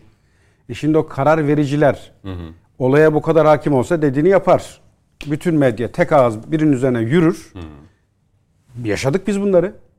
İstanbul seçimlerini hatırla. Bir yanda İmamoğlu'nu göklere çıkarırsın. Seçime, o kritik seçime girersin. E şimdi bu uluslararası karar vericilerin kafası o senin e, az önce çizdiğin tablo gibi karışık değil mi? Bana göre çok karışık. Şimdi ortada az önce bir figür çizdik. Cumhurbaşkanı'nın bir e, resme tutturduk. Şimdi sen böyle birinin karşısına bir aday çıkaracaksın ve bu kişiyi alt edeceksin. Şimdi Amerika'nın yerine koy kendini. Muhalefet kanadını destekliyor ve bu elde etmek istediği sonuca da ulaşacak bir isim arıyor. Kolay mı işi? İktidarı sandıkta değiştireceğiz diyen Birleşik Devletler'in en yetkili kişisi. Ve o kişi ve o kişinin arkasındaki güç şu an sen ben gibi işin üstüne odaklanmış. Bu arada o isim topal ördek olmak üzere. Onu da söyleyeyim. Tam değil. Daha seçim sonuçları Cüneyt Bey ama şöyle bir şey var. Şöyle bir şey var. Ee, De- devam etmenizi isteyeceğim evet. bitir, bitirsin. Coşkun Bey'e hep gelince böyle oluyor. Yok zaten hep sen kesiyorsun. Ve ısrarla diyorum moderatörsün. o işin şakası. Ee, Mühim olan. Yok topal ördek. Hani başkan deyince artık topal Doğru, ördek olmasına doğru. az bir- Biz moderatörümüzden son derece memnunuz. ben de memnunum. eyvallah. Kardeşim benim o da. Ee, buradaki mesele aslında Cüneyt'in açtığı yerden yürüyoruz. Yani başlığı açan o. işte gazetecilik bu zaten. Ve doğru yerden yaklaştı. Yani bu masadaki e, kafa karışıklığı medyaya nasıl yansıdı? Eleştirdiği o. Yani Yoksa e, burada... beni yapmış bunu yapmış Ha, o değil. asla Mesele o değil. Asla değil. Gerçekten de düne kadar tek ağız olan medya bugün nasıl bölündü? Bizim merak ettiğimiz konu bu.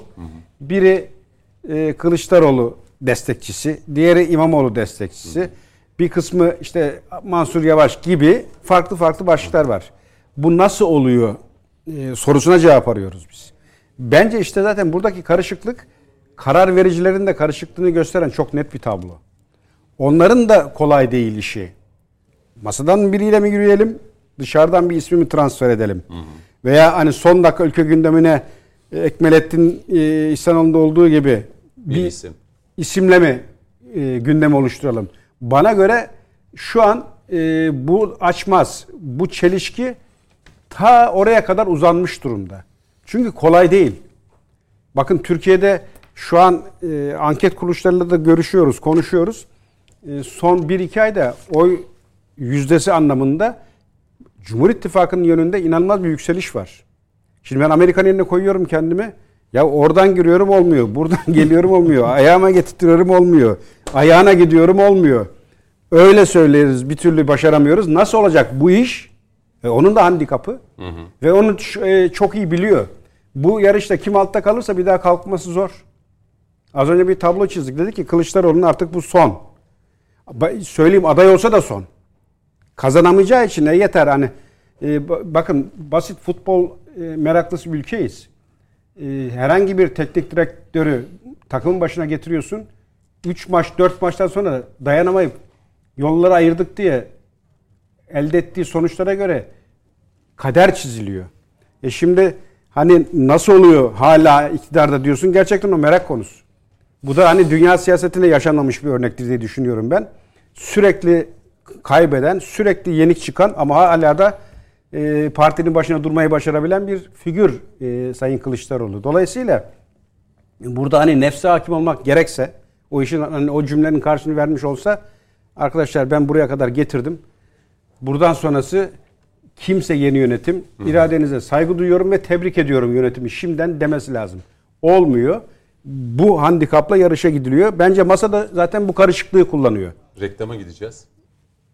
Gelmiş. 40 dakika oldu. gelmiş. Çok güzel Dolayısıyla oldu. herkesin kafası karışık. Onda haklısın. Peki. E, nefislere hakim olma durumu ve kafalar karışık. E, kafalar karışık olunca zaten nefse de hakim olamaz bir insan. E, önce kafaların netleşmesi lazım ki insanoğlu nefsine de hakim olabilsin diyelim. E, ilk reklam arasına gideceğiz. Dönüşte e, CHP Genel Başkanı Kemal Kılıçdaroğlu'nun Londra ziyareti ve e, aldığı sözler var. E, kimlerden ne istedi? E, 500 milyar dolarlık bir paradan bahsediliyor. Türkiye'nin gelecek yüzyılı, Türkiye yüzyılı Sayın Cumhurbaşkanı bundan bahsetmişti. E, Kılıçdaroğlu 500 milyar dolarla Türkiye'nin geleceğini birilerine ipotek ettirebilir mi? Tüm bunları konuşacağız reklamlardan sonra. Efendim devam ediyoruz konuşmak lazıma. E, dört değerli konuğumuzla birlikte Mehmet Metiner, Coşkun Başbuğ, Mustafa Ertekin ve e, Onur İste bu akşam bizlerle birlikte. İlk bölümde 2-3 başlığı konuştuk. Şimdi gelelim e, Sayın Kılıçdaroğlu'nun ayağının tozuyla İngiltere'ye gitmesi. E, şu söylendi, Amerika'ya gittiğinde işte o gezide 8 saatlik süreç konuşuldu ama genellikle e, teknoloji, işte üniversitelerle, e, bilişimcilerle bir araya geldiğini belirtmişti Sayın Kılıçdaroğlu.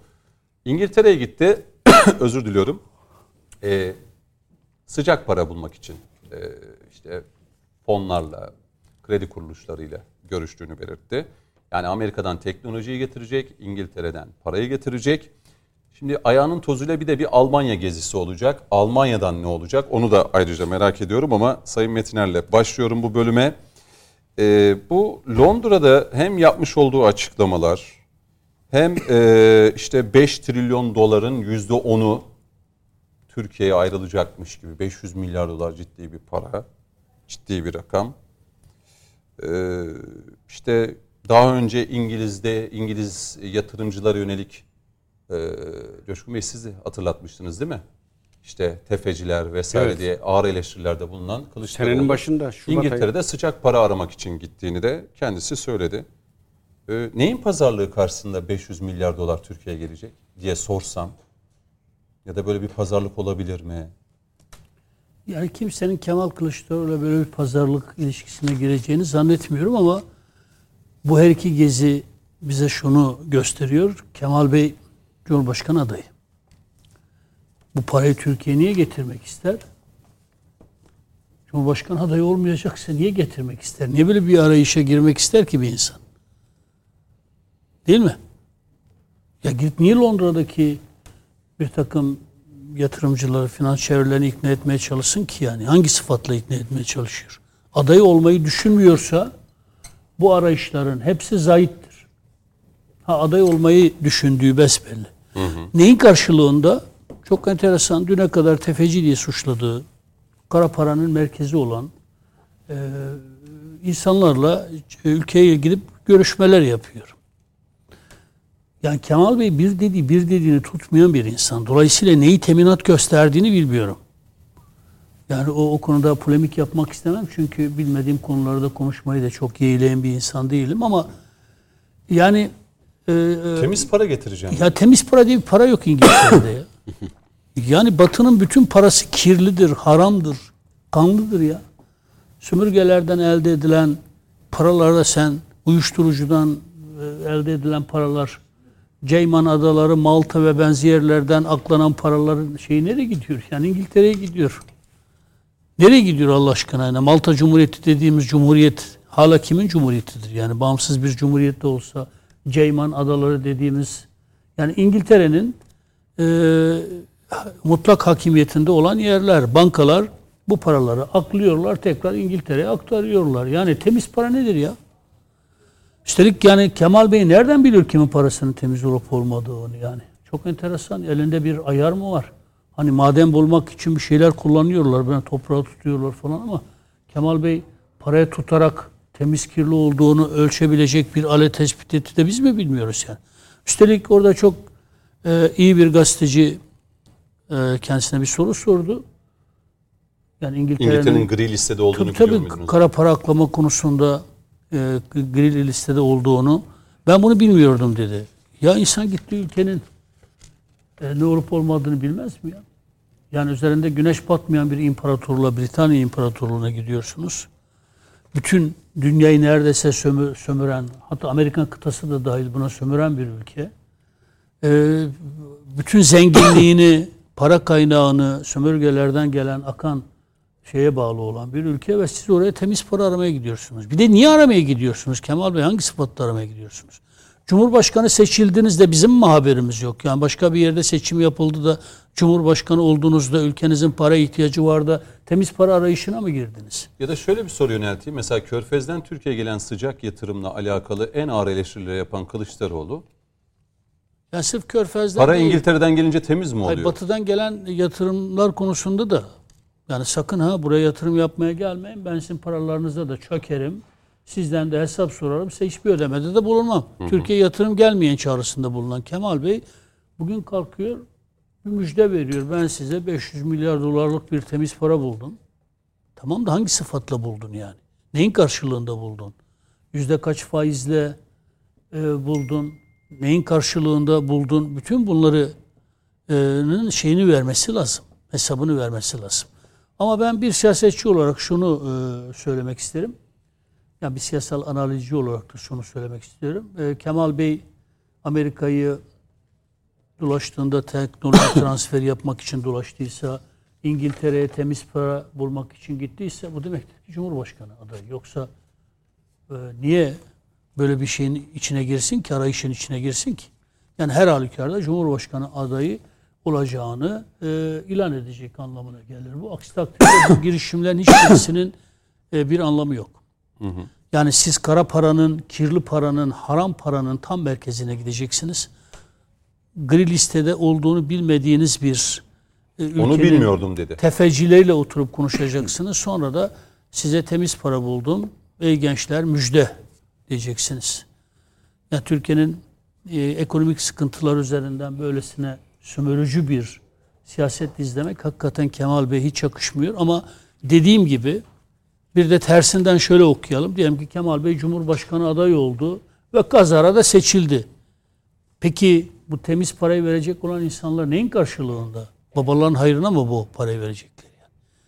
Yani? Duyunu umumiyeden beri biliriz. İttihat Terakki döneminden biliriz. Osmanlı döneminden biliriz.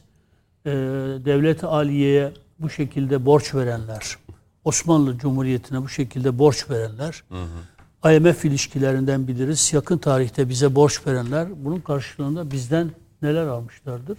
biliriz yani. Yani İttihat Terakki dönemine bakınız, duyunu umumiye ilişkilerine bakınız. Utanç verici sayfalarla karşılaşır. Kemal Bey neyin karşılığında bu parayı getirecek? Bir de hangi sıfatla getirecek? Anlayabilmiş değilim ama üzülüyorum. ee, CHP'nin geleneksel ideolojisi, belki de hani CHP'nin ortodoksisi diyebileceğimiz ideolojisinin e, her iki ziyaret üzerinden de nasıl hasar aldığını artık birileri oturup konuşmalı. Kim Kemal Bey bu iki ülkede böyle bir gezi tertip etti?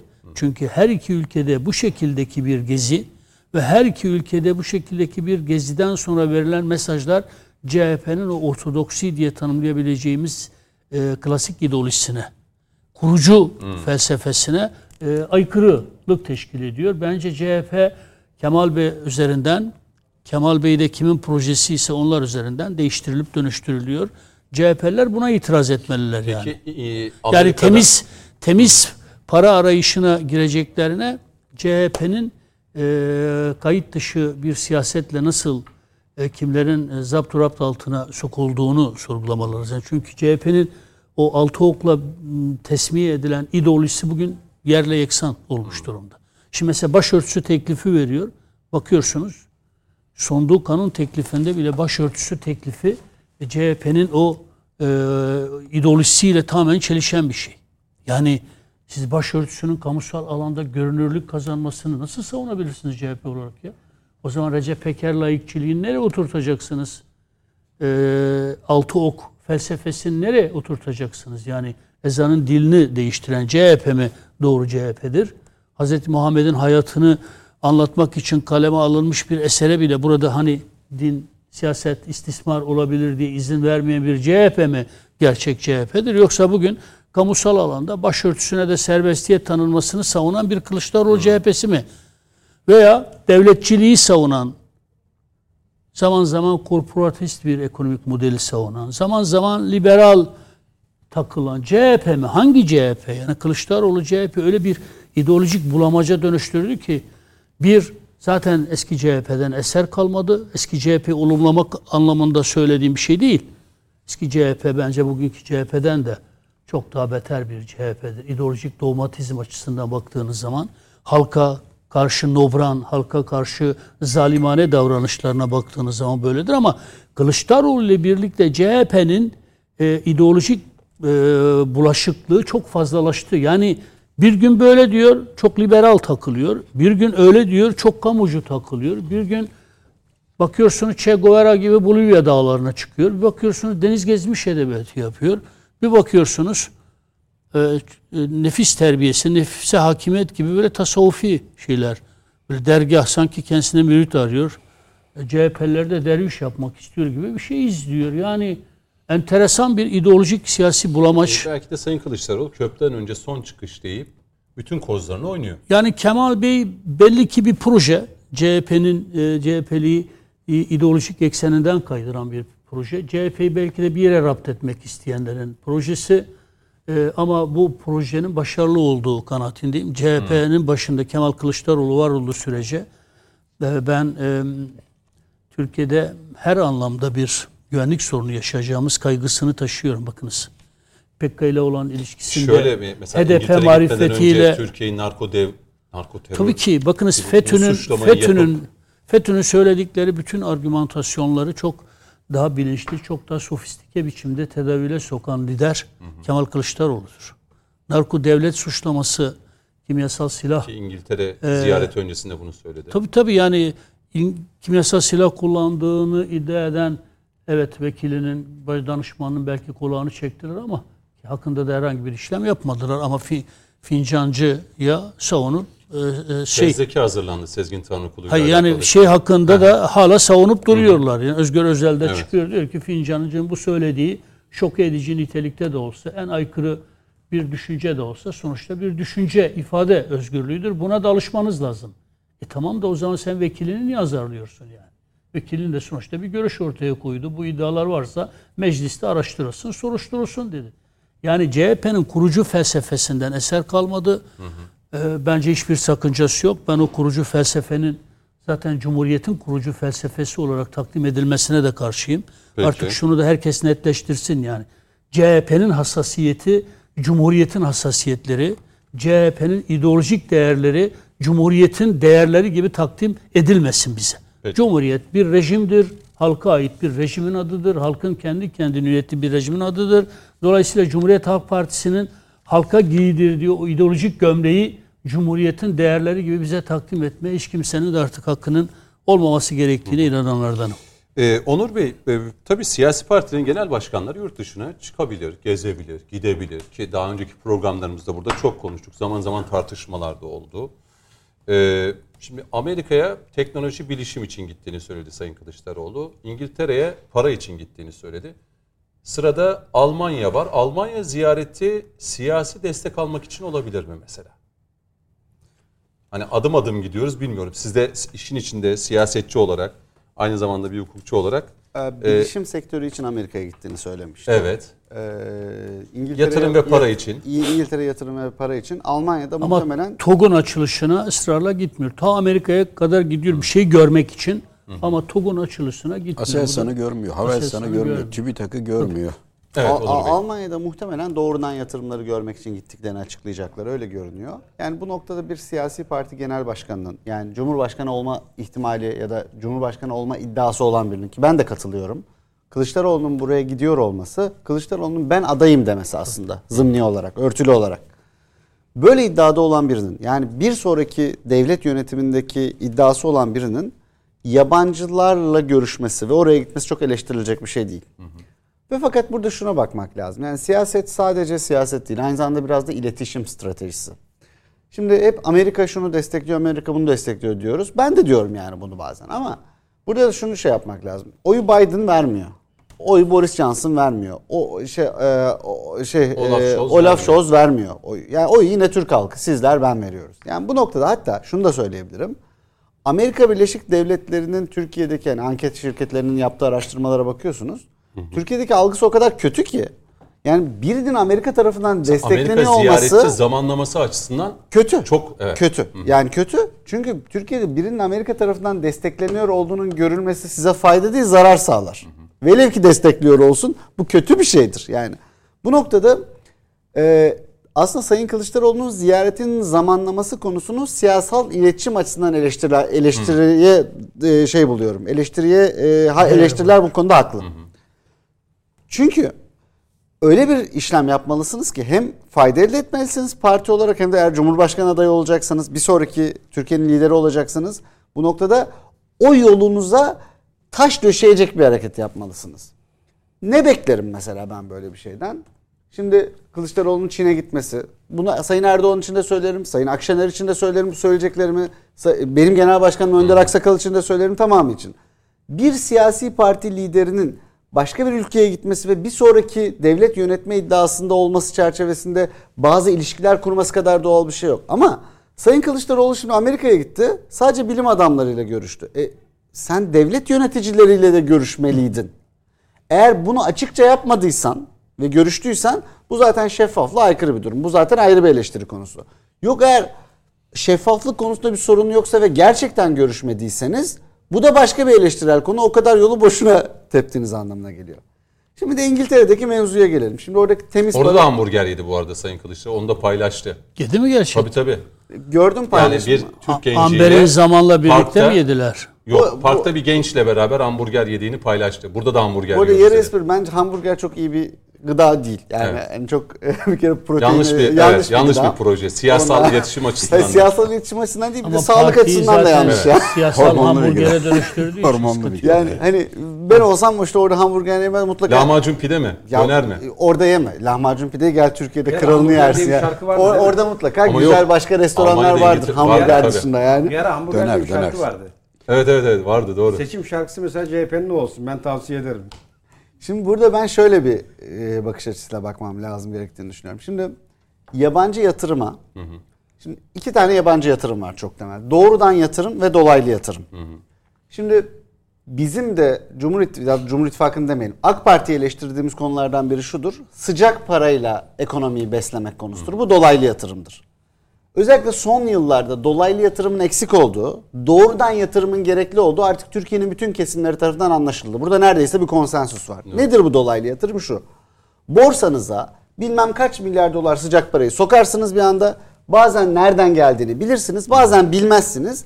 Ama o sıradaki dövize etki edersiniz. Döviz 10 liraysa 9 lira yaparsınız. Bunu yapamazsanız da 11 liraya çıkar. Bu neden eleştiriyoruz biz bunu? Şundan. Bu neoliberal ekonominin gereğidir. Yani paranın temizi kirlisi olmaz der bu anlayış. Para girsin de ne yaparsan yapsın. Ama bu dolaylı yatırımın riski şu, komplikasyonu şu. Girdiği kadar kolay çıkabiliyor. Mesela borsada X bir hisseye oynuyor. Dünyanın parasını yatırıyor. Siz de diyorsunuz ki Türkiye'de şu kadar para var. Dolayısıyla döviz ucuzluyor. Çünkü dolar üzerinden parayı sokuyor. Çok olan şey ucuzlar ya. O sırada dövizi bollaştırıyor. Doları bollaştırıyor. Basit anlatmaya çalışıyorum olabildiğince. Ama aynı hızla çıktığı için doları 10 birimden 9 birime çektiği gibi 9 birimden 13 birime de çıkartabiliyor. Aynı operasyon bakın. Burada hepimiz hükümeti eleştirdik. Ben de eleştirdim. Trump döneminde onu yaşadık mesela dedi ya Türk lirasının canını okuyacağız demişti. Çok daha sert konuştu. Hakaret Tabii, etti Türkiye'nin. Cumhurbaşkanı'na Trump. Yani biz de bir şey diyemedik. Gerçekten yaptı adam. Yani ben Cumhurbaşkanı'na bir kere bile oy vermedim. Rakip bir partinin genel başkan yardımcısı beni rahatsız etti o. Böyle bir hakaret edilmiyor, ediliyor olması. Çünkü orada Türkiye Cumhuriyeti'ni temsil eden bir insan. Yani sev sev oy ver bu konu bu değil. Şimdi ko- konsensüs sağladığımız Türkiye'de nedir? Doğrudan yatırımlar. Nedir bu? Söz gelimi. Hani reklam olmayacağı için söylüyorum bunu. Mesela Toyota, Japon markası gelir Türkiye'de fabrika kurar. Türk mühendisleri çalışır. Türk mavi yakası çalışır. Türk işçiler Yani çalışır. çat diye hadi bakalım o mütemmim cüzünü söküp götürebilir misin o şeylerin? Söke, sökemezsin. Götüremezsin. Buna dolaylı yatırım, doğrudan yatırım diyoruz. Doğrudan yatırım herkesin desteklediği bir şey. Bugün AK Parti, DSP, Cumhuriyet Halk Partisi tamam bunları destekliyor. Bir de tefeci denilen bir şey var. Şimdi Kılıçdaroğlu'nun 500 milyar dolar ne, nasıl olacak bu? Şimdi Bu ciddi Kılıçdaroğlu bir rakam bu yani Be- 500 milyar 500 dolar. milyar dolar gerçekten müthiş bir rakam. Peki Kılıçdaroğlu'nun bunu getirebilecek bir gücü var mı? Şimdi şöyle bir yani bu gücü var ya da yok bunu gelecekte görecek ama bu kriterleri saymamız lazım. Ne olursa bu para geliri konuşalım. Sonra Kılıçdaroğlu'nun gücü var mı yok mu bunu tartışalım. Şimdi bu böyle bir parayı sıcak para olarak sokuyor olmamız yani dolaylı yatırım olarak sokuyor olmamız bugün dövizi 9.5'a düşürür ben size söyleyeyim 18. Ama 9.5'a düşürdüğü gibi geri zaman 25 de yapar. Dolayısıyla madem ki konsensüs sağladığımız tespitinde bulundum ben ki gerçekten de konsensüs var bu konuda Türkiye'de yani partiler arasında doğrudan yatırımın teşviki konusunda demek ki bu bir e, fabrika olabilir bir işte e, para getirebilir katma değer sağlayabilir ve mütemmim cüzü Türkiye'nin ana karasında bulunabilecek bir şey olmalı. Mesela şu örnek verebilir miyiz? Mesela Rusya nükleer santral yapıyoruz ya. Geçtiğimiz Hap aylarda açıklanmıştı. 20 milyar dolar gibi bir yatırımın Türkiye'ye bu bu doğru mesela doğrudan. aynen mesela Akkuyu. doğrudan. Hı hı. Akkuyu. doğrudan 20 yatırım. milyar dolar. Evet. Doğrudan bir yatırım. Ya bu. çünkü Akkuyu nükleer santral her ne kadar Rusların şeyiyle teknolojisiyle olsa bile hadi bakalım Putin çok kızdım götürebilir misin? Hele bir süre sonra mümkün değil. Hani ilk anda şu an için bir şeyler yapabilir. Şu an en azından e, teknolojisini aktarmamaya karar verebilir. Evet, Ama evet. iş Yaptıktan bittikten sonra, sonra- nasıl götürecek? Tabii. Bugün Türkiye'de araç fabrikaları var. Ne yapacaksın? Bursa'da bir sürü araç fabrikamız var. İzmit'te var. Yani TOK dışında e, yerli ama milli olmayan araçlar araç fabrikaları var. Şimdi bunları götürmem mümkün değil. Niye doğrudan yatırım? Şimdi Sayın Kılıçdaroğlu mu 500 milyar doları? Oraya açıklaması Erdoğan. lazım Kılıçdaroğlu. Buraya Doğrudan hangi- mı yatırım getirecek, dolaylı yatırım. Dolaylı yatırım olması herhalde şimdiye kadar yaptığı açıklamalar çerçevesinde mümkün değil. Bu doğrudan yatırım olmalı. Acaba hangi doğrudan yatırım? Cumhuriyet Hangi Halk Partisi yatırım? kay- Cumhuriyet Halk Partisi kaynaklarına baktığımız zaman henüz bu konuda bir açıklama olmadı. Sayın Orhan Uğuroğlu yanlış hatırlamıyorsam e, bu konuda bir yazı yazdı. Dedi ki bu doğrudan yatırım olacak dedi. Zaten oradan öğrendik bunları. Ama hangi konuda, hangi kriterlerle ve Cumhurbaşkanı seçilince mi seçilmese mi bu, bu yatırım gelecek bunları bilmemiz lazım. Burada full Ama şunu anlıyorum sizin söylediklerinizden. Velev ki diyelim senaryo öyle gelişti. Kılıçdaroğlu Cumhurbaşkanı oldu. Birkaç ay içerisinde dolar 18-19 liradan 9 lira geldiği zaman biz burada dolaylı yatırımın e, kredi ya da fon şirketleri aracılığıyla Türkiye'ye girdiğini anlamış Şöyle olacağız. yani sadece Sayın Kılıçdaroğlu için değil Sayın Erdoğan için de bunu söylerim. Yani eğer bugün dolar 18 civarında seyrediyor. Yarın 9 lira oluyorsa bilin ki orada bir hata vardır. Peki. Yani burada doğrudan çünkü doğrudan yatırım katma değer sağlarsınız. Katma değerle cari açığınızı kapatırsınız. Nedir bu cari açık?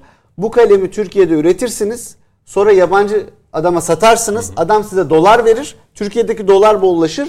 Yani döviz çıktınız, döviz girdiniz arasındaki fark azalır. Anladım. Hatta gerekiyorsa kâra geçersiniz. Dolayısıyla bu hemen olmaz. Müthiş bir fabrika yaparsınız Türkiye'de. Yurt dışına ihracat yaparsınız. Bu süreç içinde ancak dövizin azaltılmasına sebep olur. Döviz çok hızlı azalıyorsa bilin ki başka bir şey vardır. Peki. Coşkun Bey araya girip bir şey mi söyleyecektiniz az önce? Evet, tamam e, bana geldiğinde söyle. Ha, öyle mi? O zaman size geliyorum. Bir tefecilerle Getirin. ilgili Tabii, bir şey tabii, buyurun. söyleyeceğim. Şimdi İngiltere'de mesela hani e, Duyun Umumiye'den örnek verdi Sayın Vekilim. Haklı. Ben de mesela şundan hep çekinirim. E, geçenlerde hatta başka bir yerde de söyledim. E, Winston Churchill'in rahmetli İnönü'ye söylediği bir şey var. Yani Lozan'da sen bizi boğazımızı sıktın belki ama yani öyle bir gün gelecek ki ekonomik olarak öyle bir çökerteceğiz ki sizi. e, o noktada sizden intikam alacağız dedi. Bakın mesela biz de Çanakkale Köp- Köprüsü'nü yaptık. Öyle bir konsorsiyum var ki işte Güney Kore var işin içinde, İngiltere var, Katar var. Var da var. Biz şimdi buna devam ediyoruz. Olabildiğince ülke olarak şunu yapmaya ihtiyacımız var. Elbette ki krediye karşı değilim ama olabildiğince öz sermayeli bir iş yapmamız lazım. Tefeci ayrımı ne? Tefeci de şu. Şimdi her kredi veren kuruluş tefeci değil. İngiltere'de şöyle bir şey var. Şimdi büyük bir otoban ihalesi yapacaksınız. Ya da ne bileyim büyük bir köprü ihalesi yapacaksınız. Yani devletin bütçesini açan bir paraya bulma ihtiyacınız var krediyle. Öz kaynaklarınızda kullanmak istemiyorsunuz. Yok olabilir ya da gerek yok diye düşünüyorsunuz. Bu noktada kapılarını çalıp ya bana şu kadar kredi ver bankadan diyemiyorsun orada. Bir de aracı kurumlar var. Bir o sizin adınıza bir konsorsiyum oluşturuyor. Şu şu şu o Türkiye'de aracı şöyle bir yatırım Ay, olacak. Türkiye'de şöyle bir yatırım olacak. Sen kaç verirsin? Sen kaç verirsin? Sen kaç verirsin? Türkiye ile yani ya da Yunanistan olsun veya şey arada bu aracı kurum bu konsorsiyumu oluşturuyor ve %15 alıyor bundan. İşte tefeci bu adamlar. Peki. Hiçbir şey yapmadan para kazan, Sayın- paradan para kazanan adamlar. Sayın Kılıçdaroğlu'nun görüştükleri bunlar değil. Bunlar değil diyorsun. Öyle görünüyor. Peki. Evet Coşkun Başbuğ. Ya belli değil kimle görüştüğü. Çünkü Ay, Açıklanan İ- konuşalım. İngiltere, e, İngiltere dediğinde ben hemen akan suyu durdururum. Çünkü e, hani dünyadaki böyle o kirli yapılanmayı bir matruşkaya benzet. En dipteki bebek İngiltere. Siz bakmayın Amerika'nın ahkam kesisine, İsrail'in oradan hoplayıp zıpladığına. Bunların hepsinin arkasında dümenin başında İngiltere var. Geçtiğimiz günlerde kraliçe öldü. Bir televizyon kanalında yayındayız. İşte enteresan e, metiyeler var. İşte kraliçe, asaletin timsali vesaire. Ya büyük şokla dinledim, seyrettim. Söz bize geldiğinde de dedik ya bir dakika bu hani kraliçe hani bir ülkenin yası var, matemi var. Ee, bu vatan evladı olarak bize düşen bassal demek. Başları sağ olsun. Ama işin siyasi boyutuna, incelemesine gelince o bahsetmiş olduğunuz kraliçe 70 yıla yakın dünyadaki dünya savaşlarından tutun Hükümranlığı.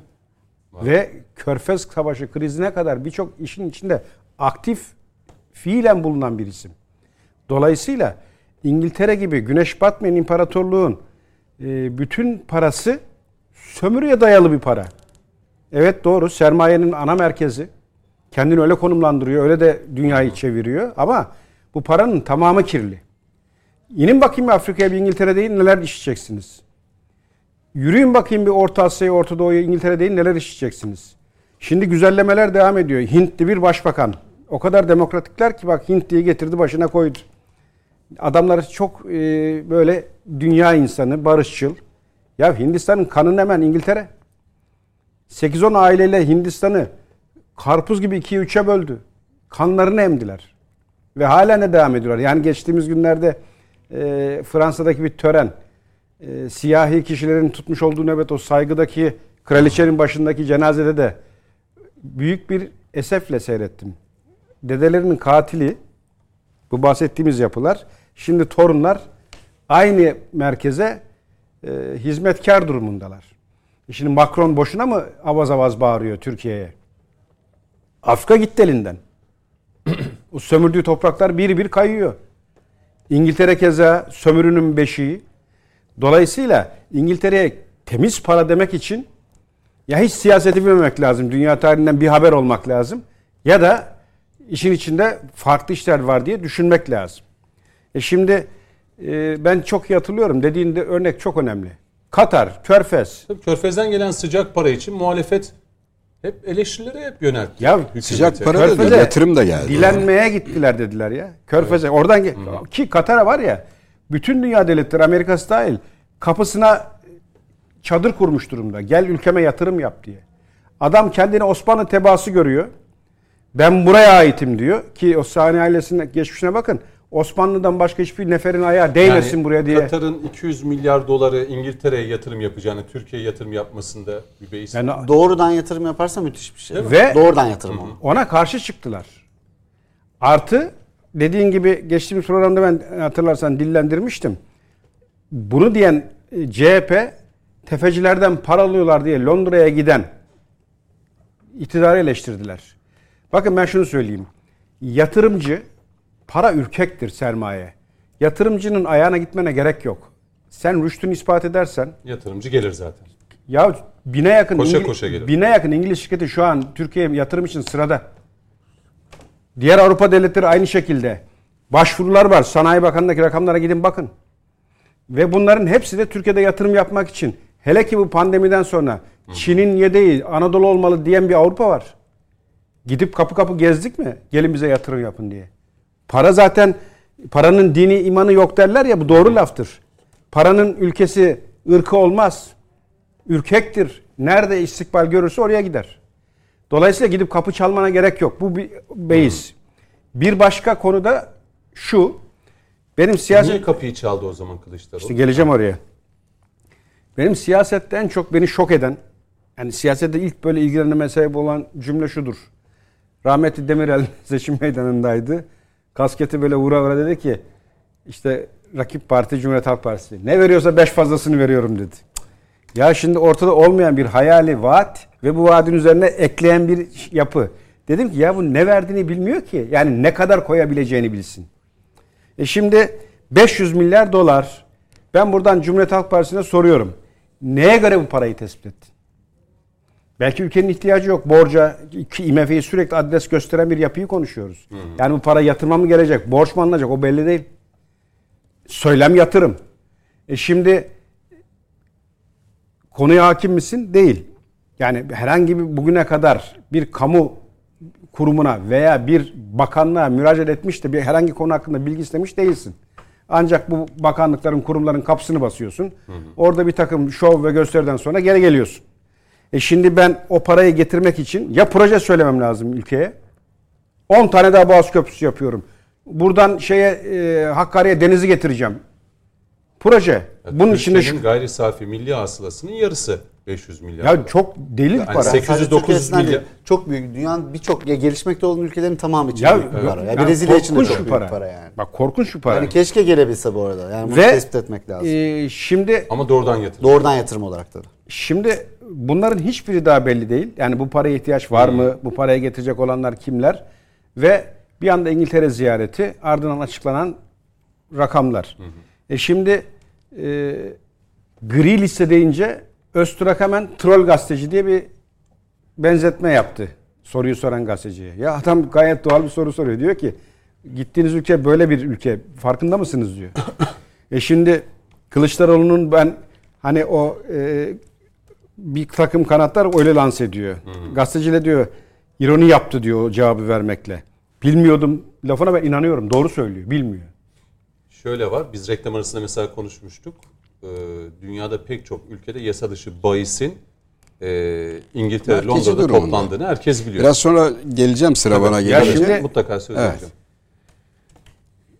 Cumhuriyet Halk Partisi'nin yani temsil ettiği e, siyasi görüşe bir e, rahmetli Gazi Mustafa Atatürk'ten bir örnek vereyim. Diyor ki Atatürk söyleminde son zamanlarda bazı fikirler belirdi diyor. Batı'dan akıl almak, Batı'dan destek almak gibi. Oysa diyor hangi iyilik var ki diyor Batı'dan gelsin. Tarih böyle bir şey yazmamıştır diyor. E şimdi olaya hakim değilsin. Devletin eksisini artısını bilmiyorsun. Hiçbir bilgin yok. Ve ne gerekçeli bu parayı getiriyorsun diye sorsa herhangi bir gazeteci amacınız nedir, yani ne planlıyorsun dese onu hiç düşünmedik diyecek. Ama çıkıp İngiltere'lere işte 500 milyar dolar bir para diye çıkıyor. Şimdi bakın IMF CHP'nin çok dillendirdiği hatta e, Durmuş vardı. Eski e, Hazine Bakanı şey Hazine Merkez Bankası. Merkez Durmuş Bankası Yılmaz. düzeltiyorum. Durmuş Durmuş, Yılmaz. Yılmaz. Ya akla zarar bir teklifle diyor ki IMF'den diyor acilen borç almamız lazım. diyor. Şimdi hep akılda o var. Dışarıya ekonomik anlamda Türkiye'yi bağlayacak bir sürecin önünü açmak. Yeniden IMF ile ilişkisini. Hah. İstanbul Bunları- Anlaşması öneriyor. bunların önünü açacak bir çıkış olarak görmek lazım. Şimdi bakın e, Amerika, İngiltere niye gittiği tartışıyoruz. Bugün e, Amerika'nın bana göre en büyük hatası hani Biden'ın böyle doğrudan bir cümle kuracağını hesap edemedi. Amerika'daki o arka plandaki küresel akıl. Biden bana göre büyük gaftı. Muhalefeti desteklemeliyiz. Halbuki bunu el altından o kadar iyi yaparlardı ki. Biden'ın bu çıkışıyla birlikte senin ana muhalefet partisinin lider olarak Amerika yapacağın ziyareti acilen durdurman lazım. Neden? Şaibe altında kalırsın. Altından kalkamazsın ve şu an öyle oldu. Şöyle bitirelim. Almanya ne için gider? Şimdi Almanya'da şimdi şöyle iki türlü Bilişim, teknoloji, para. iki türlü Ben siyasi destek. iki türlü iki türlü orada resim var. Bir Amerika ve İngiltere yapışık ikiz. Yani İngiltere'nin esas ilk hami olduğu yer Amerika. Dolayısıyla bunları ben hiç birbirinden ayırt etmem. Yani benim için Londra yapılan ziyaretle Washington'a yapılan ziyaret aynı. Soralım Cumhuriyet Halk Partisi'ne ne kazandınız bu ziyaretlerle diye. Cevabını verebilecek olan yok. Bunları örtmek için bir Almanya ziyareti araya yakışır. Niçin? Bir- Hemen kısaca alayım. işte birinci Mustafa sebep Bey'e. bu. İkinci sebep Almanya'da e, 3-4 milyon yakın bir Türk var. Tamam. Oradan hani seçime yönelik bir siyasi şova dönüştürecek hamleyi yapar mı? Alman iktidarından, yeni iktidardan da bir destek vaadi alır mı? Avrupa Birliği Ha, bu, e, bu- oradan süsleyerek bakın eğer gelirsem parayı getiriyorum, üyeliği Teknolojiyi getiriyorum, getiriyorum. siyaseten Avrupa Birliği'ni getiriyorum. Bir havasıyla seçim ortamı oluşturmak. Peki.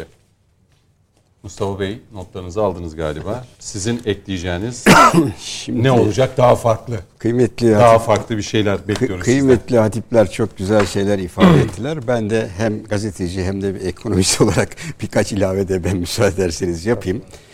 Şimdi Sayın Kılıçdaroğlu'nun tabii ki e, Amerika'ya ve Birleşik Devletlere gerek İngiltere'ye seyahat etmesinin önünde bir engel yok. Ana muhalefet partisi lideridir kendisi.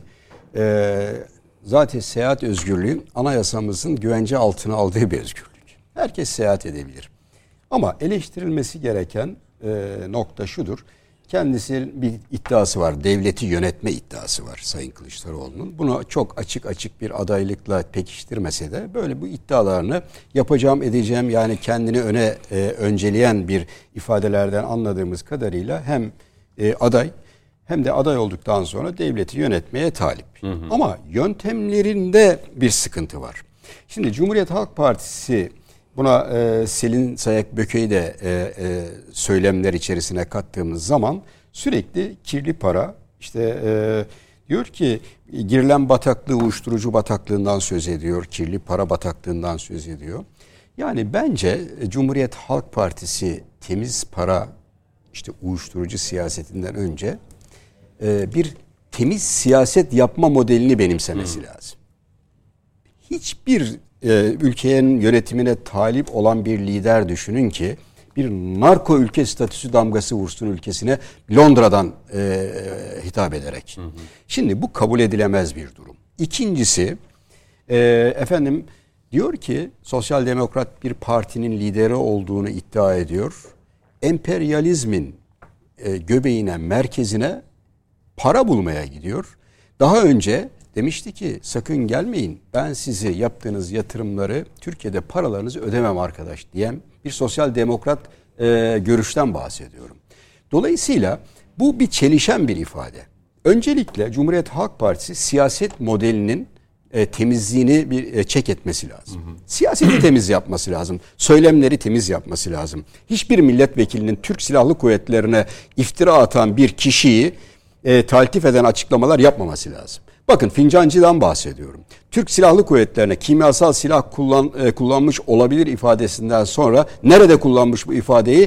PKK'ya destek veren bir yayın organında kullanmış. Destek veren değil tam PKK kanalı yani. Dolayısıyla e, Türkiye Büyük Millet Meclisi'nde göğsünü buraya övünerek taktığı milletvekili rozeti takıp gezen bir insanın bunu kalkıp destekleyen bir açıklamalar yapmaya hakkı yoktur. Bakın Cumhuriyet Halk Partisi öncelikle özet olarak söyleyeyim. Yani öncelikle bir temiz para kirli efendim işte e, şey siyasetinden narko devlet e, siyasetinden nereye gelmesi lazım? Türkiye'nin milli ve temiz siyaset çizgisine gelmesi lazım. Hı hı. Bugün Kılıçdaroğlu'nun e, güneş batmayan krallık olarak adlandırılan Londra'yı çok iyi bilirim. İşim gereği çok iyi bilirim. Yanlış anlaşılmasın. Yani ben e, hamburger yemeye falan gitmiyorum. İşim gereği. Para piyasalarının içerisindeki bir kişiyim ben. Hı hı. Dolayısıyla şimdi Londra'da e, yatırım fonları vardır. E, finans fonları yani kredi fonları vardır. Hı. Londra dediğimiz zaman güneş batmayan imparatorluğun karanlık dehlizleri de vardır orada. Şimdi yani Sayın Kılıçdaroğlu da gidecektir, hükümetimiz de gidecektir. Sayın Nebati de gitti Londra'ya. Şimdi burada meselemiz para bulma meselesi değil. Kirli siyaset yapma meselesi olması lazım. Sayın vekilim de katılacaktır bu söylemime. Yani şimdi para bulmak e, e, New York'a da gitseniz e, para aynı şekildedir. Dünyanın küresel para sisteminin nereden geldiği, hangi kaynaklardan geldiği, bu sistemi idare eden yapılar çok iyi biliyoruz. Hepimiz aslında gerçeği konuşmamız lazım bu masa etrafında. Yani buradan alınacak doğrudan yatırım, kredi kaynakları bunların temizliğini, kirliliğini tartışmak yerine e, temiz bir siyaset modeliyle Türkiye'nin ihtiyacı olan nedir buna bakmak lazım. Bugün Adalet ve Kalkınma Partisi 2012 e, yılına kadar Türkiye'ye getirdiği yani iktidarının ilk e, di, diliminde 10 yılında 15 milyar dolar doğrudan yatırım getirmiş bu ülkeye. Milli geliri 12.620 dolara çıkarmış bir iktidardan bahsediyoruz. Daha sonra sıcak para yani Sayın Cumhurbaşkanımızın ifadesiyle yani artık e, para e, e sıcak parayla finans piyasaları üzerinden kura müdahalelerle para kazanma devri Türkiye'de bitmiştir, bitmiştir. ifadesinden sonra Üretim, ne oldu? İstihdam, yatırım ve evet. ihracatlar. Evet. Bakın şurada çok e, hakikaten önem verdiğim bir e, şey var. E, Türkiye Yüzyılı projesinin içerisinde yapılanlar var bakın. Bunları yapıp da bir Türk genci olarak duygulanmamak mümkün değil. Kısa bir örnek vereyim. Bakın 152 organize sanayi bölgesi, 24 endüstri bölgesi, 94 teknoparkla üretim gücü artmış. Yani milli uzay sanayisi, TÜBİTAK, Havelsan, Uzaysan e, ve milli e, kurumlarımız bugün e, İHA'ları, SİHA'ları yapan milli kurumlarımız ve teknolojik gelişimimiz ortadayken e, kalkıp Amerika'da startuplarla görüşüp teknoloji aramanın bir yararı yoktur. Yani Manhattan, Manhattan'da e, efendim kalkıp da teknolojik ikbal aramak yerine ben Sayın Kılıçdaroğlu'nun yerinde olsaydım ben Türkiye e, İhracatçılar Meclisi İnovasyon Komitesi'nde 5 yıl görev yaptım. Hı hı. Gelsin 69 üniversiteyi gezdireyim, teknoparkları gezdireyim, Türkiye'nin teknolojide geldiği noktaları gezdireyim. Zaten bu gibi siyaset modelleri Türkiye'nin önüne bu engelleri çıkardığı için bugüne kadar e, Türkiye e, suskun kalmıştı. Hı hı. Ama Cumhur İttifakı'nın ve e, Yeni Kapı mutabakatı ya Yeni Kapı'daki o milli e, duruştan sonra Cumhur İttifakı'nın artık dünya beşten büyük kararlılığıyla ne olmuştur? E, ileri teknoloji e, gelişiminde üniversiteler görev almıştır. Milli e, hamle yapabilecek kuruluşlarımız görev almıştır. Ve para bulma konusunda bakın e, Cüneyt Bey kesinlikle ben size söyleyeyim dünyada para çok. Yatırıma gidecek para çok. Dünyanın e, 100 trilyon dolarlık e, bilançosu içerisinde e, dünya sınırlı kalmamış. Borçlanma modelleriyle ve e, bunları ötelemek, e, öteleyerek yapılan yatırımların 360 trilyon dolarlık bir hacmi vardır. Hı hı. Bakın. Şimdi bu model içerisinde Türkiye'nin efendim bir ana muhalefet partisinin liderinin Londra'ya gittiğini tartışmayalım. Ne yaptığını tartışalım. Siyasetinin nerede konumlandırdığını tartışalım bence. Şunu tartışmak lazım. Bunu konumlandırırken e, kimlerle görüşmüş? Bakın ben... Mesela bir Amber'in zaman detayı var orada. Tabii onu e, üçüncül olarak söyleyeceğim. İlk önce şunu söylemek istiyorum. Buradaki görüştüğü fonların e, profillerine ben baktım. Profillerine baktığımız zaman bunların çoğu bu fonlar tabii ki temsilcilikler bunlar. Bu fonlar dünya fonları bakın. Bu fonların e, bu fonlara gittiğiniz zaman size hiçbir kötü niyetli davranmazlar. Sayın vekilim de mutlaka e, belki seyahat etmiştir olarak gidersiniz bir talepte bulunursunuz. Hiçbir fon iyi niyet mektubu dışında size bir davranışta bulunmaz. Hmm. Bunlar iyi niyet mektuplarıdır. Yani biz gelip de e, Sayın Kılıçdaroğlu'nun gençlere seslendiğini kendi ifadesiyle söylüyorum. Hmm. Ben e, ana muhalefet Gençler partisi, size temiz para getireceğim a, Ana muhalefet partisi liderine ben e, bu şekilde seslenmem ama kendi ifadesiyle söylüyorum. Gençler Bay Kemal temiz parayı buldu diyor hmm. şimdi mesela. Ya arkadaş bakın bu ifadenin kendiyle çelişen kısmı bu. Siz e, bu parayı Evet bulmuş olabilirsiniz, görüşmüş olabilirsiniz, iyi niyet e, mektupları almış olabilirsiniz. Ama bugüne kadar Türkiye'ye gelen paraların kara para olduğunu iddia edemezsiniz. Buna hakkınız yok. Hmm. Bakın bugün Türkiye'de yapılmış yatırımlara bakıyoruz. Marmaray projesine bakalım, köprü projelerine bakalım. Ee, Katar'dan gelen bankalar aldılar, birçok yatırım yaptılar.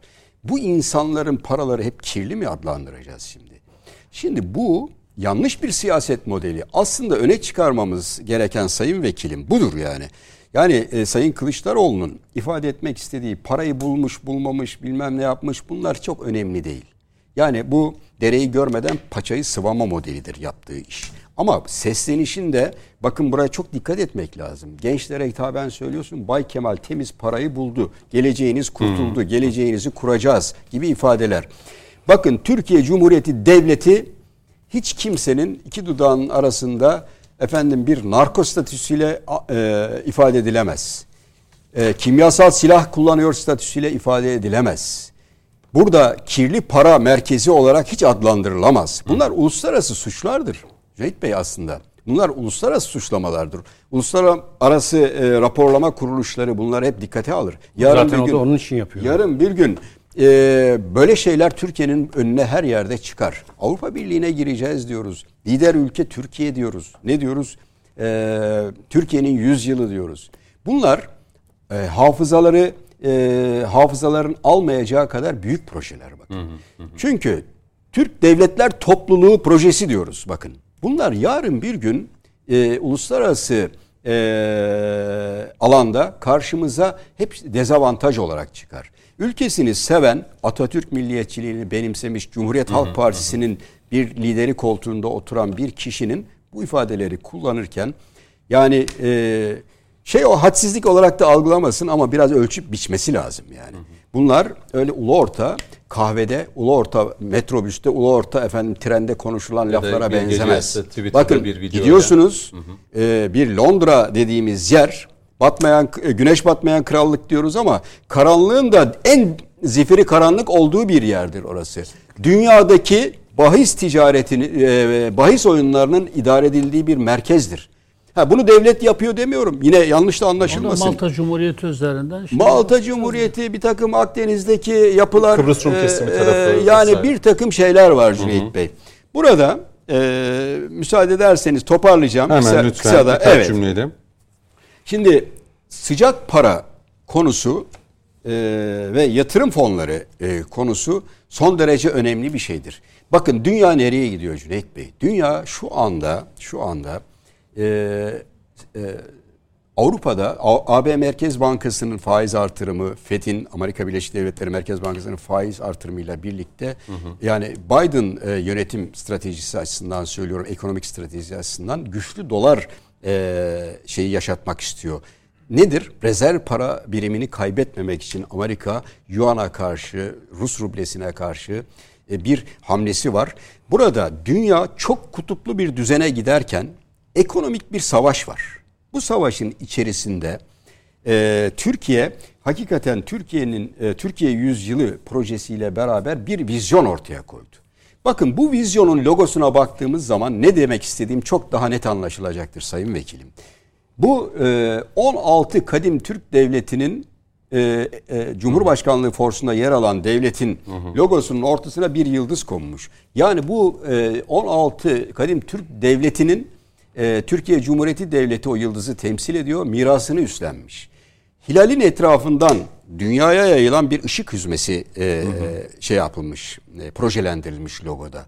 Şimdi biz bu mesajları verirken Türkiye'yi yönetmeye çalışan velev ki hasbel kader öyleydi böyleydi bunu tartışmıyorum ben. Bu açıdan söylemiyorum. Yarın geldin koltuğa oturdun. Bu söylediklerini nasıl e, düzelteceksin? Nasıl ifade edeceksin? Vizyonun bu. Türkiye Yüzyılı projem var. E, Sayın Devlet Bahçeli'nin e, aşağı yukarı 15 yıl önce açıkladığı Lider Ülke Türkiye projesi var. Bakın Lider Ülke Türkiye projesi Türkiye'nin bugün geldiği şu e, eksendeki bakın bu projelerin toplamıdır. Bunları Sayın Cumhurbaşkanımızın açıklamalarından aldım.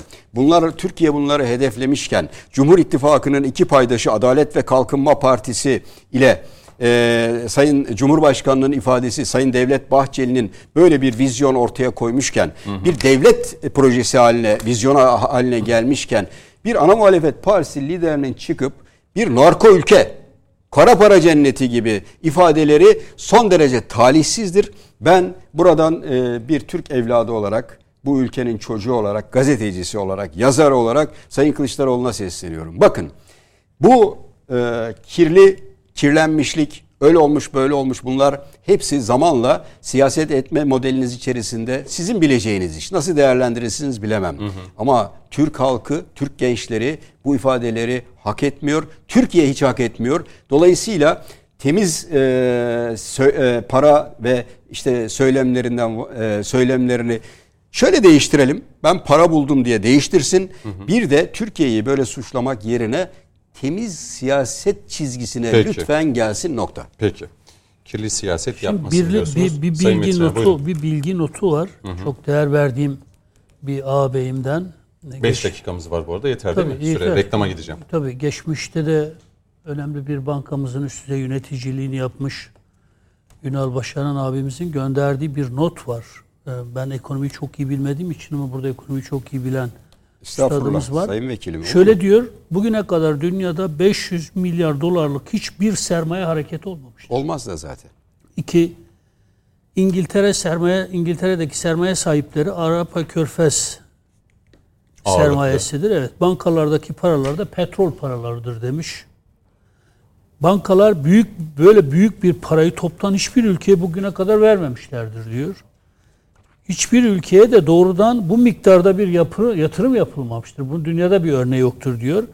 Bankacılar İngiltere'de hiçbir yetkisi olmayan Allah'ın kuluyla da oturup konuşmazlar. Kemal Bey hangi sıfatla gidip konuştu ve bankacılar hangi sıfatla masada kendisine Biraz böyle önce ifade ettim. verdiler? İyi niyet mektubu bu zaten. Alınan bir para falan Şimdi yok. bir de mesela rahmetli Ecevit'in rahmetli Ecevit'in IMF'den zar zor tedarik edebildiği miktar 4,5 milyar dolarlık. 1 milyar dolar geldi bayram etti. Tabii. Şimdi dolayısıyla bu 500 milyar temiz para iddiası bir yalan.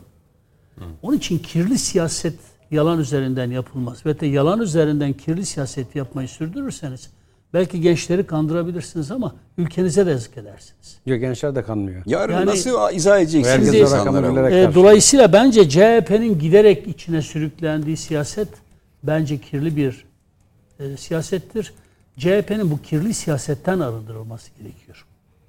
Çok fazla CHP'nin içine dair konuşmak istemiyorum. Çünkü biz konuştuğumuzda yekpare oluyorlar. Yok böyle bir şey yok diyorlar. Sanki güllük gülistanlıkmış gibi. Halbuki birbirlerini yiyip bitirdiler. Sayın Vekilim CHP içerisinde de çok değerli arkadaşlarımız da var. Bu Eyvallah. bir tenzih ediyorum ama yani şimdi bu siyaset modeli hakikaten ifade ettiğiniz gibi temiz olmalı yani. Şimdi e, elbette ki yani benim de çok değerli dostlarım var. CHP'de var, her partide var. DSP'de var. Sen Genel Başkan Önder Aksakal bence bu ülkenin en iyi Evet. siyasetçilerinden biridir. Eksik Sağduyu sahibi bir siyasetçidir. Bu anlamda DSP'yi çok önemserim. CHP'de çok değerli siyasetçi dostlarım var ama Kılıçdaroğlu CHP'sinin e, sürdürdüğü siyaset gerçekten yalana da Bu hamleler yanlış. Evet. Hani Bir burada de- 20 25 30 40 50 milyar dolar anlarız ama şunu Yani- anlıyorum gelen mesajdan 500 milyar dolar şu anda Hayır, bir de dünya hangi ekonomi sıfatla? tarihinde böyle bir şey yok yani. Şimdi Hani- mesela yani Kemal Bey gitti. Bir bankacıyla, finansçıyla oturup konuşmak istedi. Sormazlar mı ya? Hangi sıfatla sen sana böyle bir şey vereceksin? Türkiye'nin ana muhalefet bir lideri. ana muhalefet partisi genel başkanına bu paraların aktarılması. Ha istişare edebilirsin. Bu para döngüsü nasıl oluyor? Temiz para nedir? Tabii ki. Bunun için İngiltere'ye gitmene de gerek yok. Burada bu konuyu çok iyi bilen ekonomist arkadaşlarımız var zaten. Yani e, Darun Acemoğlu ile görüşmek için Amerika'ya gitmeye gerek yok. Kitabını alıp korsun yani. Amber'in zamanla resim Amber'in gerek yok. zamanla çektiğin resmin anlamı başkadır zaten. Onu herkes bilir yani. Nedir? Ee, Amber'in zaman sırtını sırtını nereye yaslıyor? Amerika'ya. Bir de terör örgütlerinin de sözcülüğünü Tabii çok tabii yaptı. bakınız Amerika'ya dolayısıyla Amerika'nın iplerini elinde tuttuğu çevreler her kimse. Onların muhibi olan bir gazeteci, gazeteci görünümlü bir başka şey bilmiyorum. Bir, bir Tarafta yazdıklarını şeyin- unutmadık Masada- Sayın Evet. Vekilim. yani. Şimdi Masada Kemal Bey'in onunla fotoğraf çekmesi çok ilginç. Bunu bir fotoğraf çekmek için, hamburger yemek için İngiltere'ye gidilmez. Siyaset İngiltere'de yapılmıyor. Siyaset Türkiye'de yapılıyor ve milletimiz bütün bunları not ediyor. Yani Kemal Bey, Kemal Bey kara paranın merkezine, kirli paranın merkezine bir yolculuk etmiştir. Kirli bir siyasetle yolculuk etmiştir. CHP'yi arındırmak bu saatten sonra çok zor olacağı benziyor. Yani Kemal Bey gitse bile sanıyorum bu kirli siyasetin tortuları bir süre daha varlığını sürdürecektir. Dolayısıyla e, CHP ne diyebilirim bilmiyorum ama sırf Erdoğan'ı alaşağı etmek için emperyalist bütün güçlerle işbirliği yapmak dışarıda. Yalnız o masada- İçerideki uzantılarıyla iş tutmak, e, Kandil'le, Kandil'in partisiyle, Pensilvanya, Pe- Pensilvanya içerideki uzantılarıyla iş tutmak, e, akıl kârı bir siyaset. Asıl Onur Bey bir sıkıntı şey bu değil mi. Sayın Vekilim? Yani ben aslında konudan konuya atlamam Reklama için özünde bir şey söyleyeceğim. Raşit Çiçek Süre. Raşit Bey kusura bakmayın. Çok kısa bir şey söyleyeceğim. Aslında mevzu bahis şu. Hangi bir şey olursa olsun. Türkiye'nin sıcak parayla doğrudan yatırım bile olsa yani yabancının parasıyla yapacağı şeyler mutlaka vardır ama asıl olan şudur. Karma ekonomik model. Türkiye'de siz üretimi çünkü amacınız şu burada. Üretimi işte e, yabancı sermaye olsun. Türk Türk sermayesi olmadığı için yabancı sermayeyle Türkiye'de yaptırmaya çalışıyorsunuz. Mevzu bahis bu değil artık devletin üretim sektörü içine girmesi lazım. Karma ekonomik modelin benimsenmesi lazım. Biz bunu benimsemezsek oradan 500 der birisi başka biri 5 trilyon der 50 milyon der bizi konuştururlar. Mevzu bahis olan şey gerçekten altyapısı olan bir ekonomik modeli kurmaya ihtiyacımız var. Dönüşte ben de ekonomik başla modeli. teröre destekle başlayalım. Önemli o. Amber'in artı Döndükten Hakan Şükrü sonra denen çok, bir başka. çok kısa bir zamanımız var. Evet bu e, Bülent Keneş'in deport edilmesi mevzusu var. Hakan Şükür'ün Esas e, mesele firari bu. FETÖ'cü, Yani- Hakan Şükür'ün o TV5 siyaseten bölünen televizyonunda- masa, siyaseten Tamam, bölünen... süre size vereceğim bir 2-3 Tamam. dakika. Ee, son reklam arasına gidelim. Dönüşte finali yapacağız. Son bölümdeyiz sevgili izleyenler. Konuşmak lazım da çok hızlı gideceğiz. Coşkun Başbuğ'a döneceğim. Hem Sayın Cumhurbaşkanı dün İsveç Başbakanı ile konuşurken e, FETÖ'cülerin iadesi konusunda Bülent Keneş ismini verdi ki bu Bülent Keneş de e, narko devlet suçlamasıyla alakalı e, işi organize eden isimler arasında olduğu belirtiliyor. İki, tam bu mevzu konuşulurken bir de baktık ki Türkiye'de bir televizyon ki Saadet Partisi'ne yakınlığıyla bilinen TV5 ekranlarında firari bir isim Hakan Şükür ekranda saatlerce kendisinden övgüyle bahsedildi. Buyurun. aslında e, hani herhangi bir olası değişiklikte neler başımıza geleceğini de gösteren net örnekler bunlar. Çünkü bakın dikkat edin masada biz e, konuşuyoruz. İşte ayrışma var dağılır mı dağılmaz mı vesaire.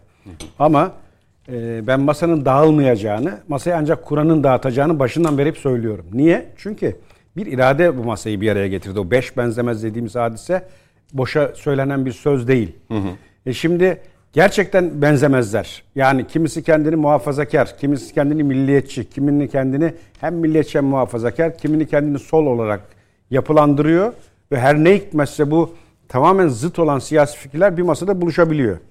E şimdi bu çekişme varmış gibi yaratılan havada herkes masada siyasetin gereği işlerin döndüğünü zannediyor. Aslında ben hala söylüyorum dışarıdan ciddi bir irade masanın üzerinde bir hami konumunda yer alıyor. Bunun en yakın göstergesi ne biliyor musun? Kritik beka ile ilgili konularda özellikle terör destek konusundaki ağız birliği. Bakın ben size hemen 3 tane örnek vereyim. Kılıçdaroğlu'nun KHK'yı gelir gelmez bırakacağız demesi boşa söylenen bir söz değil. Herhangi bir tepki gördünüz mü masadan? Bir dakika ya sen ne daha ortada delil yok bir şey yok dosyaya hakim değiliz. Hangi akla hizmet milletin üzerine kurşun sıkanlara yönelik böyle bir çıkış yapıyorsun diyen var mı? Yok. Demokrat Parti lideri masanın altıncısı sonradan bir anda denkleme giren Uysal. Tam bir e, FETÖ ağzı. Çok karşılaştık biz bu lisanla. Yunanistan'la olan krize kontrollü kriz diye bir benzetmeyle bulundu. Ya bugün 7 düvel Yunanistan'ın saldırgan politikasını biliyor. Ne maksatla yaptığını da konumlandırıyor. Ama içimizden biri sanki siyasi iktidar kontrollü bir kriz oluşturmuş gibi hava yaratıyor. E gelelim az önce verdiğin örnek. Hani e, Mustafa Bey az önce çizdiği tabloda AK, e, Cumhuriyet Halk Partisi'ni gerçekten rahatlattı. E, tesadüfen siyaset gereği söylenmiş sözler gibi anlattı ama ben bunların hepsinin kasıtlı ve bilinçli yapıldığı kanaatindeyim. Kılıçdaroğlu bunları öyle ezbere hamaset olsun diye söylemiyor. İleride Türkiye'yi yargı önüne çıkaracak bir zeminin altyapısını oluşturuyor aldığı talimat gereği. Hmm. Ve o bahsettiğin söylemlerin de merkezi işte Sayın Cumhurbaşkanı İsveç'ten istediği firari FETÖ'cünün e, planıyla yürüdü. Boşa istemiyor devlet onu. E şimdi biz bunu isterken ya Saadet Partisi milliyetçi diye düzeltiyorum muhafazakar olarak kendini konumlandırıyor.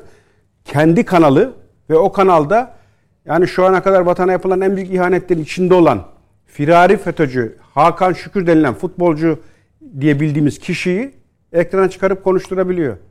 Daha iktidar elde değilken bunlar oluyorsa olası bir iktidar değişikliğinde başımıza neler gelir? İzleyenler takdir etsin. O nedenle e, bu detayları atlamamak lazım. Hı. Hı. Hani ben az önce program ortasında da onu dedim. Hani biz detayları konuşarak esas ana e, mihverden uzaklaşıyoruz. Bu beka meselesi olacak. Türkiye'nin gerçekten ileride ciddi sıkıntılara sebebiyet verecek birçok çıkış var. Esas bunları konuşmalıyız. Dememdeki maksat buydu. Anladım. Süre daralıyor. Diğer konukların Çünkü yemeyelim şeyini mesajı verdik. Yani tam zamanda bitirmek adına. E, şu On... son cümleyi o zaman bitireyim. Saadet Partisi'nin kanalında yayınlanan bu görüntüleri o partiye destek veren taban kesimin hı hı. yine o bahsetmiş olduğum çıkışlarla ilgili diğer partilerin taban kesiminin bu yaşananları iyi sorgulaması lazım. Peki. Bunun şakası yok. Onur Bey siz ne dersiniz? Yani bu o, Avrupa'da işte e, bizim de dosyalar halinde verdiğimiz isimlerin kol gezmesi dün İsveç Başbakanı'nı ağırladıktan sonra isim verdi. Yani bu Türkiye yönelik dezenformasyonla alakalı isim de vereyim dedi. Bunun dedi derhal deport edilmesini istiyoruz. Yani hani NATO'ya eğer üye olacaksanız Türkiye'nin dediklerine... Burada yani üslupsal hatalar bir yana bazı üslup hataları olduğunu düşünüyorum ama temel olarak Türkiye'nin iç güvenlik sorunu konusunda İsveç'ten işte Finlandiya'dan bu konuda belli pazarlıklar içinde bulunması ve kendi için aranan e, terörist şüphelilerini talep etmesi kadar doğal bir şey yok. Bunda sorun yok ama yani bu tabii akıl öğretecek halimiz yok ama devlet politikası çerçevesinde bir isim telaffuz etti Sayın Cumhurbaşkanı ve mutlaka alınması gerekir. Ben de katılıyorum ama bir Cumhurbaşkanı o ismi telaffuz bile etmemeli. Bu bunlar e, el altından yapılması gereken şeyler ama elbette ki bu şey önemli. İsveç'te görüntülendiği için, Stockholm'de görüntülendiği Doğru. için Sayın Doğru. Cumhurbaşkanı aslında isim de vereyim dedi. Pek çok isim evet. var ama dedi hani isim de vereyim. Halen faaliyette Ki, bulunduğu evet, için. Evet, halen faaliyette de bulunduğu Özellikle için. Özellikle PKK nezdinde başka faaliyette bulunanlar doğru, var. Doğru. Ama el, yani bu anlamda şunu teslim etmek lazım. Ee, üslupsal hatalar var. Bunu kabul ediyorum. Hatta mesela o konuşma içinde şu vardı. Yani Sayın Cumhurbaşkanı bizim siyaset yaptığımızı unutmayın. Biz bizim de halktan oy beklediğimizi unutmayın gibi bir kelime kullandı. Belki maksadını açtı olabilir yani insani bir nokta. Ama bunun dışında Türkiye'nin tezi ve Türkiye'nin haklılığı var. Yani Türkiye elbette ki NATO'ya girmek isteyen biridir. Madem ki sen dış güvenliğini korumak istiyorsun kardeşim, e, bunu istiyorsun. Burada da benim senin NATO'ya girmeni veto etmemem için sen de benim iç güvenliğime saygı duymak zorundasın. FETÖ'cüleri, PKK'ları orada Hı. beslemek e, gibi bir inisiyatifin olamaz. Türkiye haklıdır bu konuda. Peki iki dakika hemen veriyorum. Ee, Mustafa Bey size sonra Bakın e, size Coşkun Bey'in e, söylediğine bir ilave olarak söylüyorum. Yani KYK konusunda sadece e, Kılıçdaroğlu'nun ifadeleri yok. Bakın Temel Karamollaoğlu Bey'in genel kurulda son yaptıkları e, genel kurulda yine aynı ifadeler var. KYK mağdurlarını da serbest bırakmak lazım ve onların da şeylerini iade etmek lazım hı hı. diye. Bu KYK konusunda ilginçtir. Altılı Masa'nın e, tamamı neredeyse bu KYK konusunda bir hemfikir gibi gözüküyor. E, şimdi yani bura, bu açıdan baktığımız zaman e, hangi merkezlerle e, arkadan... Siz şaşırdınız mesela TV5 televizyonda böyle bir görüntünün çıkmasına? E, ben e, şaşırmadım. Çünkü neden? Türkiye'nin e, her köşesinde bir e, ateş yakmayı alışkanlık haline getirdiler. Bu ben şaşırdım. Her köşesinde bakın neden şaşırma? Çünkü e, şey, şeyleri var. Bunları daha yoğunlaştıracaklardır. Çünkü e, ben öz iradeleriyle hareket ettiklerini düşünmüyorum. Hı. Dolayısıyla Sayın Başbuğ gibi düşünüyorum ben de. Bir bir merkezden hakikaten bir taktiksel e, e, talimat aldıklarını düşünüyorum ben. Taktiksel olarak söylüyorum. Şimdi burada e, kalkıp bir e, te- kanlı bir terör örgütüdür FETÖ. Çünkü neden? Türkiye e, Türk milletine, Türkiye Cumhuriyeti Devleti'nin Milli Meclisi'ne silah sıkmış bir örgüttür bu. Dolayısıyla onların mensuplarını, onların şeylerini televizyonlara çıkarıp Türk milletinin önüne çıkarmak bence en ucuz bir tabi, e, tabirle ihanettir yani. Böyle şey olabilir mi? Tabii hani kimsenin kimseden haberi olmaması da çok enteresan. Çok da fazla konuyu uzatmak istemiyorum. Evet. Yani hani sonuçta bir kanalda bir program yapılıyorsa biz buradayız değil mi? Programa kimler çıkıyor, konuklar kim vesaire. Ee, Bizim yöneticilerimizden tutun da en üstteki isme kadar Şimdi herkesin isimler- isimler olur. çok Ama önemli bu- değil. Bu, bir skandal bence. Hani Skandal. TV5'te böyle İsim- bir isimlerin çıkması. üzerinde durmayı ben gereksiz buluyorum. Yani isimler çok şey değil ama terörle iltisaklı ve terör örgütünün hakikaten şeyin öne çıkardığı kişilerin yani Türkiye Cumhuriyeti Devleti'nde yayın yapan medya kurumların tarafından biraz daha hassasiyetle Doğru. davranılması gerekir. Şey konusuna e, gelince e, Benim sürem daraldı. Tabii tabii. O zaman Yine- şöyle yine yapalım. konuşmak Onu lazım şöyle şey- yapalım. Ee, Cumhuriyetimizin 99. yılı ve 100 yılını kutlama e, şerefine bize nail eden ve e, vefatının 84. yılında Büyük Önder Mustafa Kemal Atatürk'ün yarın Yarın 9'u 5 vefatının geçe. e, yad edeceğiz. Dolayısıyla e, e, bize Cumhuriyete armağan eden Mustafa Kemal Atatürk ve silah arkadaşlarına rahmet diliyorum. E, minnet ve şükranla yarın anacağımı beyan etmek istiyorum. Peki, Teşekkür ederim. Kapanış Allah konuşmasını da siz yapmış oldunuz. Sayın Metiner e, sizle bitireceğim. Siz de bayağı bir geziyorsunuz, dolaşıyorsunuz. Hafta sonu da Ankara'dasınız. Demokrasi ve Birlik Derneği'nin de çok önemli bir çalıştayı var. İnşallah. E, onunla alakalı belki e, duyuruyu da yapalım. Ankara'da bizi izleyen izleyicilerimizin de bu çalıştayı takip etmesi adına. Buyurun. Evet yani 12 Kasım Cumartesi günü Ankara'da Demokrasi ve Birlik Derneğimiz ile Demokrasi ve Birlik Vakfımızın birlikte düzenlediği çok önemli bir çalıştayımız olacak. Bence yeni dönemin yol haritasının belirlenmesi açısından da e, Türkiye Kürtlerinin e, kendisine çizecekleri yeni bir güzergah açısından da çok önemli mesajların verileceği bir çalıştay olacak bu.